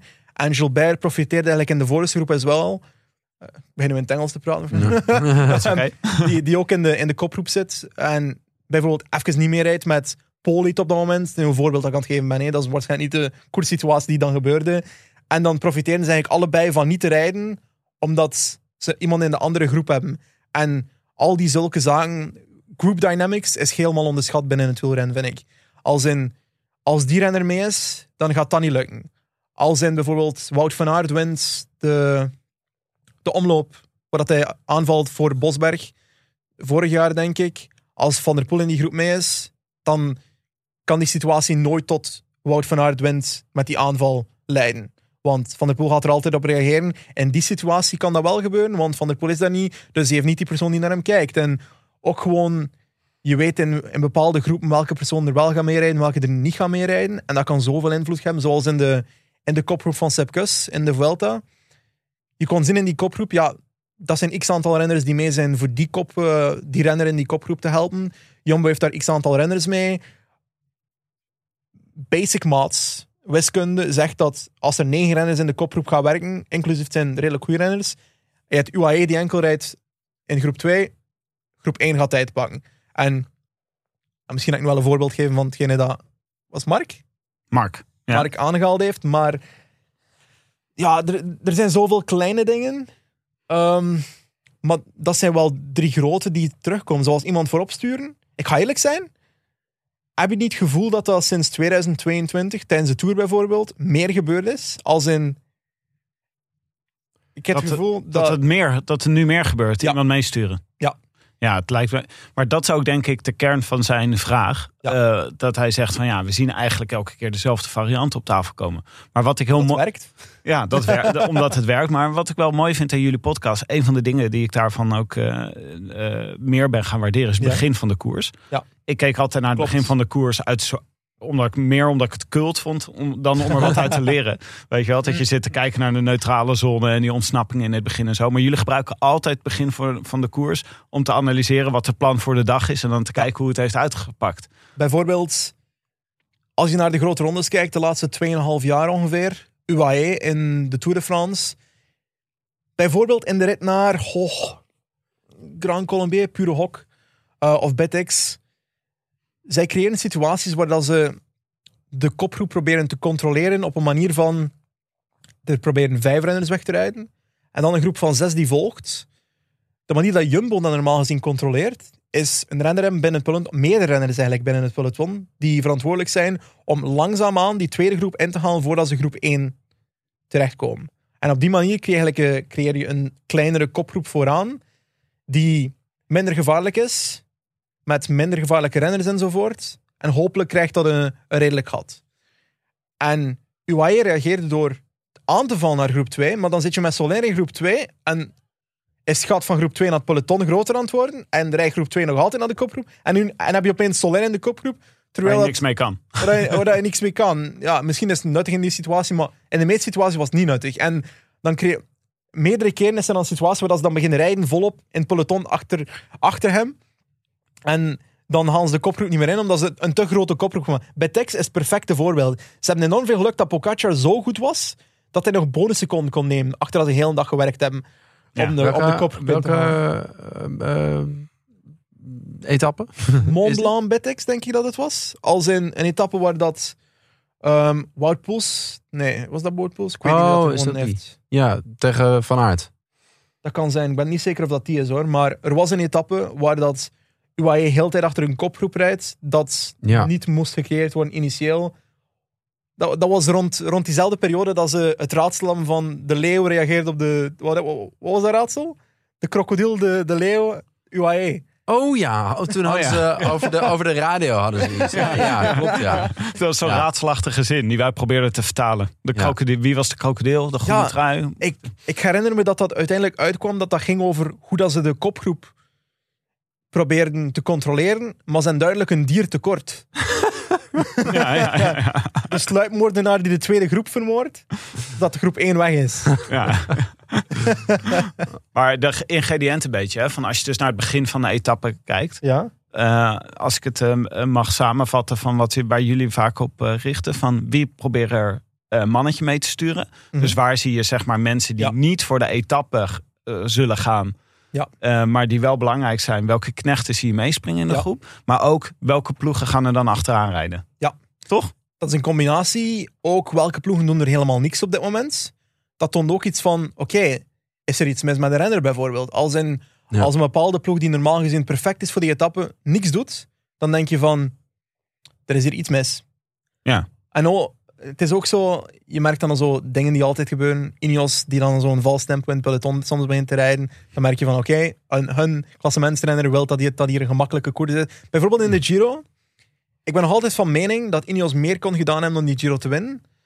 Want Roglic in het begin, de eerste helft van 2023, was hij qua energieverbruik in de ritten, als het hoog energieverbruik was, minder goed op het einde van de rit. Monte Bondoni is het perfecte voorbeeld. En je ziet dat patroon doorheen het geheel van die, die koersen. La Molina denk ik ook in, in Catalonië. Ook hetzelfde moment. Quickstep trekt heel de tijd door op de voorlaatste klim ook al. En op de laatste klim. En op het einde heeft hij net iets te kort en Remco begint dan hem te lossen in de laatste kilometer. En op de La Punt denk ik dat echt eh, een Uniperto-rit was. Dus vlak en één klim. Ja. Dus geen energieverbruik voor de laatste klim. Roglic wint de etappe. En dan zie je daar een verschil tussen en een patroon. En tegen het einde van de veld had Riccione Lavaredo Ineos begint daar een vals tempo te rijden om de koers te controleren, omdat ze de Eh, roze trui hebben. en- Giro bedoel je? Ja, Ja, de Giro, sorry, wat zei ik? Vuelta. Ah, maar hetzelfde. Ja. Same, same. Ehm, ja, Trecime de Lavaredo, de, de laatste bergrit. Dan denk ik, oké, ja, hij staat in het roze. Maar Jumbo heeft dat ook al geleerd. Dat als er een bergtijder in aankomt, zou ik meer voorsprong proberen te krijgen. En dan doen ze dat niet, omdat ze defensief rijden voor Thomas. En ik ga eerlijk zijn, Tom Roglic wint waarschijnlijk nog klassement. Maar Maar het had beter gekund. had beter gekunnen. Ja, en dan vraag ik me ook af- om de defensieve Ineos-strategie. Doet Ineos daar precies niet wat Jumbo wel doet in de Tour? Eigenlijk. Namelijk elke etappe blijven koers maken zo zwaar mogelijk. Omdat dat uiteindelijk in het nadeel is van Pogacar. En Ja. dat had Ineos dus kunnen doen. Omdat Ja. jij denkt dat het op dat moment in het nadeel was geweest van Roglic. Ja, bijvoorbeeld. Eh Benja, Benji, we moeten gaan afronden. Want er staan inmiddels mensen die proberen hier de deur in te trappen. Ja, dit is eh, springen. McCarthy. Die, eh, Ja, Hoe dus McCarthy bezig? staat hier voor... eh, Oh nee. iets ja, ik, we hebben nog een heleboel onderwerpen staan die we zouden kunnen bespreken. Maar Zou ik hem eh, aan kunnen, denk je? het was, eh, Ja, makkelijk. Dat is een wielrenner. Dat is een springkaan. Waar hebben we het over? nou, maar wij helpen. Eén veeg met jou. eh, Zodra we hem zien, stapeltje op eh, McCarthy. Dat lijkt me een goeie. Maar dank dat je hier was. De Dank wel gaat nu door naar eh, Engeland. Ja, nu ga ik door naar Engeland om naar huis te gaan, waar ik nu woon. Ehm, en ja, Koers kijken vanmiddag? nee, Nee. het is, Nee. het is een rustperiode even. Want, ik ga eerlijk zijn, off-season is voor mij drukker dan het seizoen. oh Als ja? in, de podcast is druk, maar er is een, een patroon doorheen het jaar van dan is de podcast op te nemen. Routine, zeg maar. Ja. Ja. Eh, en dan heb ik ook een excuus van, oké, de podcast is de hele tijd bezig met zijn koersen, om mijn YouTube-kanaal een beetje een toontje lager te zetten. Oh ja. En nu in het off-season heb ik, die, heb ik dat excu- excuus niet, dus Nu zijn jouw YouTube-volgers. Die, die zijn nu helemaal worden lekker bediend. ja, die krijgen inderdaad. lekker elke hoeveel dagen een videootje? Eh, op, ik probeer nu elke vijf, zes dagen, maar ik ga eerlijk zijn, er gaat 40, 50 uur per video in de editing nu. Want ik ben echt wel... Ik heb echt wel... Benja zit echt zo te knipperen. Wat? Ah, ik ben maar. Ik zit nooit in de edit, hè? Ik, Ja. jammer. Stel dat ik nu... Heb nu al de Zwift opgereden eh, twee weken geleden. Dat is nu een, een drie uur aan footage. Dat is nu een, een van de kortere aantal uren dat ik heb voor een video te maken. Het kan ook zijn dat ik, de video dat ik aanhaalde in het begin daar, dat ik elke dag een reis gereden had. Dat is 30 uur aan footage dat ik door moet gaan. Gewoon kijken wat dat er interessant is. Ah, je moet toch iets anders. Je moet toch berg, ja, iets wat sneller bergbeklimmen. Nee, dus eh, gewoon, eh, gewoon Dat kan ik nog niet. zwemmen. Eh, vij- 50 meter zwemmen of zo moet je gaan doen. Dat Jullie worden mijn lead-out. Deal? Ja, dat voor, voor, de- voor zwemmen? Oh, goed man. idee. Op de Vanberg. Maar ik vind het wel mooi dat YouTube een terugkerend... eh, dat blijft toch... eh, Jammer. het, eh, produceren voor YouTube blijft toch een van de... Ja. eh, de kern van wat, je, van wat je doet. En dat is een groot verschil tussen Rode Lantaarn en Lantern Rouge. Want jullie zitten niet op YouTube. En ik, in mijn hoofd snap ik dat niet. Want voor mij is podcastplatform... Dat is een platform waar dat we op posten. Maar YouTube is een platform waar dat we op posten. Maar een mogelijkse inkomststream voor meer viewers. Want daar zoeken mensen naar dingen. Terwijl dat is dat niet echt doen. Op, pod, op podcastplayers ga ik niet zoeken. Giro d'Italia. Op YouTube zoek je dat wel. Ik, Ah, ja. ik zoek naar een podcast die al bestaat, dat ik weet dat bestaat op een podcastplayer. En eh, waarom is dat jullie niet op YouTube? Ik versta dat niet. Ik versta dat niet. Ja, het is, eh, het is Ik misschien het ermee, hoor, als, we, leeftijdsverschil. als we op YouTube gaan. Het is, Nee, nee, nee. het is het leeftijdsverschil misschien. en- Maar we hebben ook een paar keer getest. En Benja doet het gewoon niet ziet zo er heel nog maar goed op 20 scherm. uit. Ja, dat is waar. Ja, we moeten- toch... eh, we gaan dit nog een keer heroverwegen, eh, Benja. Mm, ja, mm, ja. Voor nu gaan we we, afronden, we worden in, in veelvoud gefilmd. Toch? Het zijn hier drie camera's. Wat doen jullie daarmee? Ja, Ja. weet niet. Wissen? Oh. Benja, we moeten echt gaan afronden. Ja, want nou hier. staan de dank, dat was het voor vandaag. Bedankt aan onze vrienden van de show. En een warm welkom aan de nieuwe vrienden en verlengers onder wie Joep Brounen, Kees Lof, Schaapje met, met een G, Hugo Schalkwijk, Mark Hendricks, Simon, Buusvaal Buusvaal, mooi. Ja, en Berend Ringeling. Berend Ringeling. Berend en, Ringeling. eh, dat klinkt... Dat wiskundeleraar heet de Ringeling. Wil je, ons, eh, wil je ons ook steunen of gewoon een berichtje sturen? Websurf dan naar de Bij deze ook veel dank aan onze sponsoren natuurlijk. Nederlandse Loterij, La Machine. Check nog steeds onze merch. Eh, ja, en, ja, en Ja, of Benji natuurlijk... heeft het ook aan. Ja, de hype is real. Eh, GC Kas merch. ja, niet kopen, gewoon Roland naar Taarn kijken. merch kopen. En dan de Rode Lantaarn merch kopen.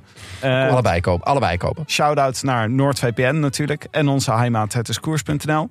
En speciale dank aan fiets van de show Ridley. Die eh, liefdevol afzwaait. Ehm, die, na dit seizoen. Ze hebben ons het hele seizoen gesponsord. Waarvoor veel dank. Veel dank.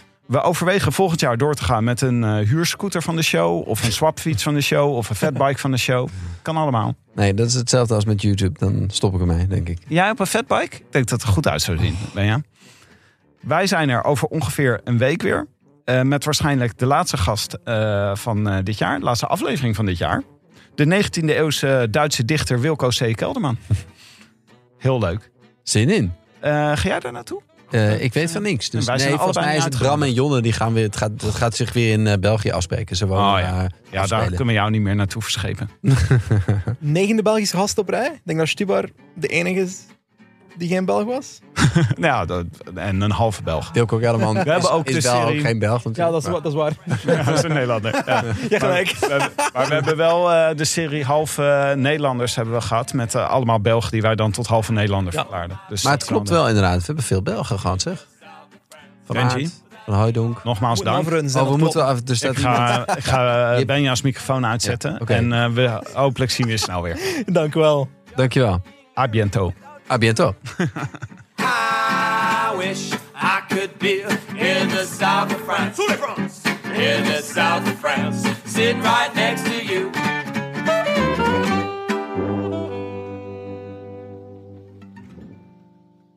Zullen we even het begin doen? Zal ik de, procl- pro- eh, de, oh, daar ga ik al. De proclamatie, een beetje zoals eh, Patrick doet zo. Het is donderdag 14 december. live. Nee, ik wil de Patrick nadoen. Oh ja, kan jij Patrick ook nadoen? Dat is misschien wel leuk. Dat we met z'n- drieën gewoon. Welcome to the cycling to the eh, Lantern Recycling Pod. Sponsored by Swift. Niet meer. Oh. Ah. Oh, Oké.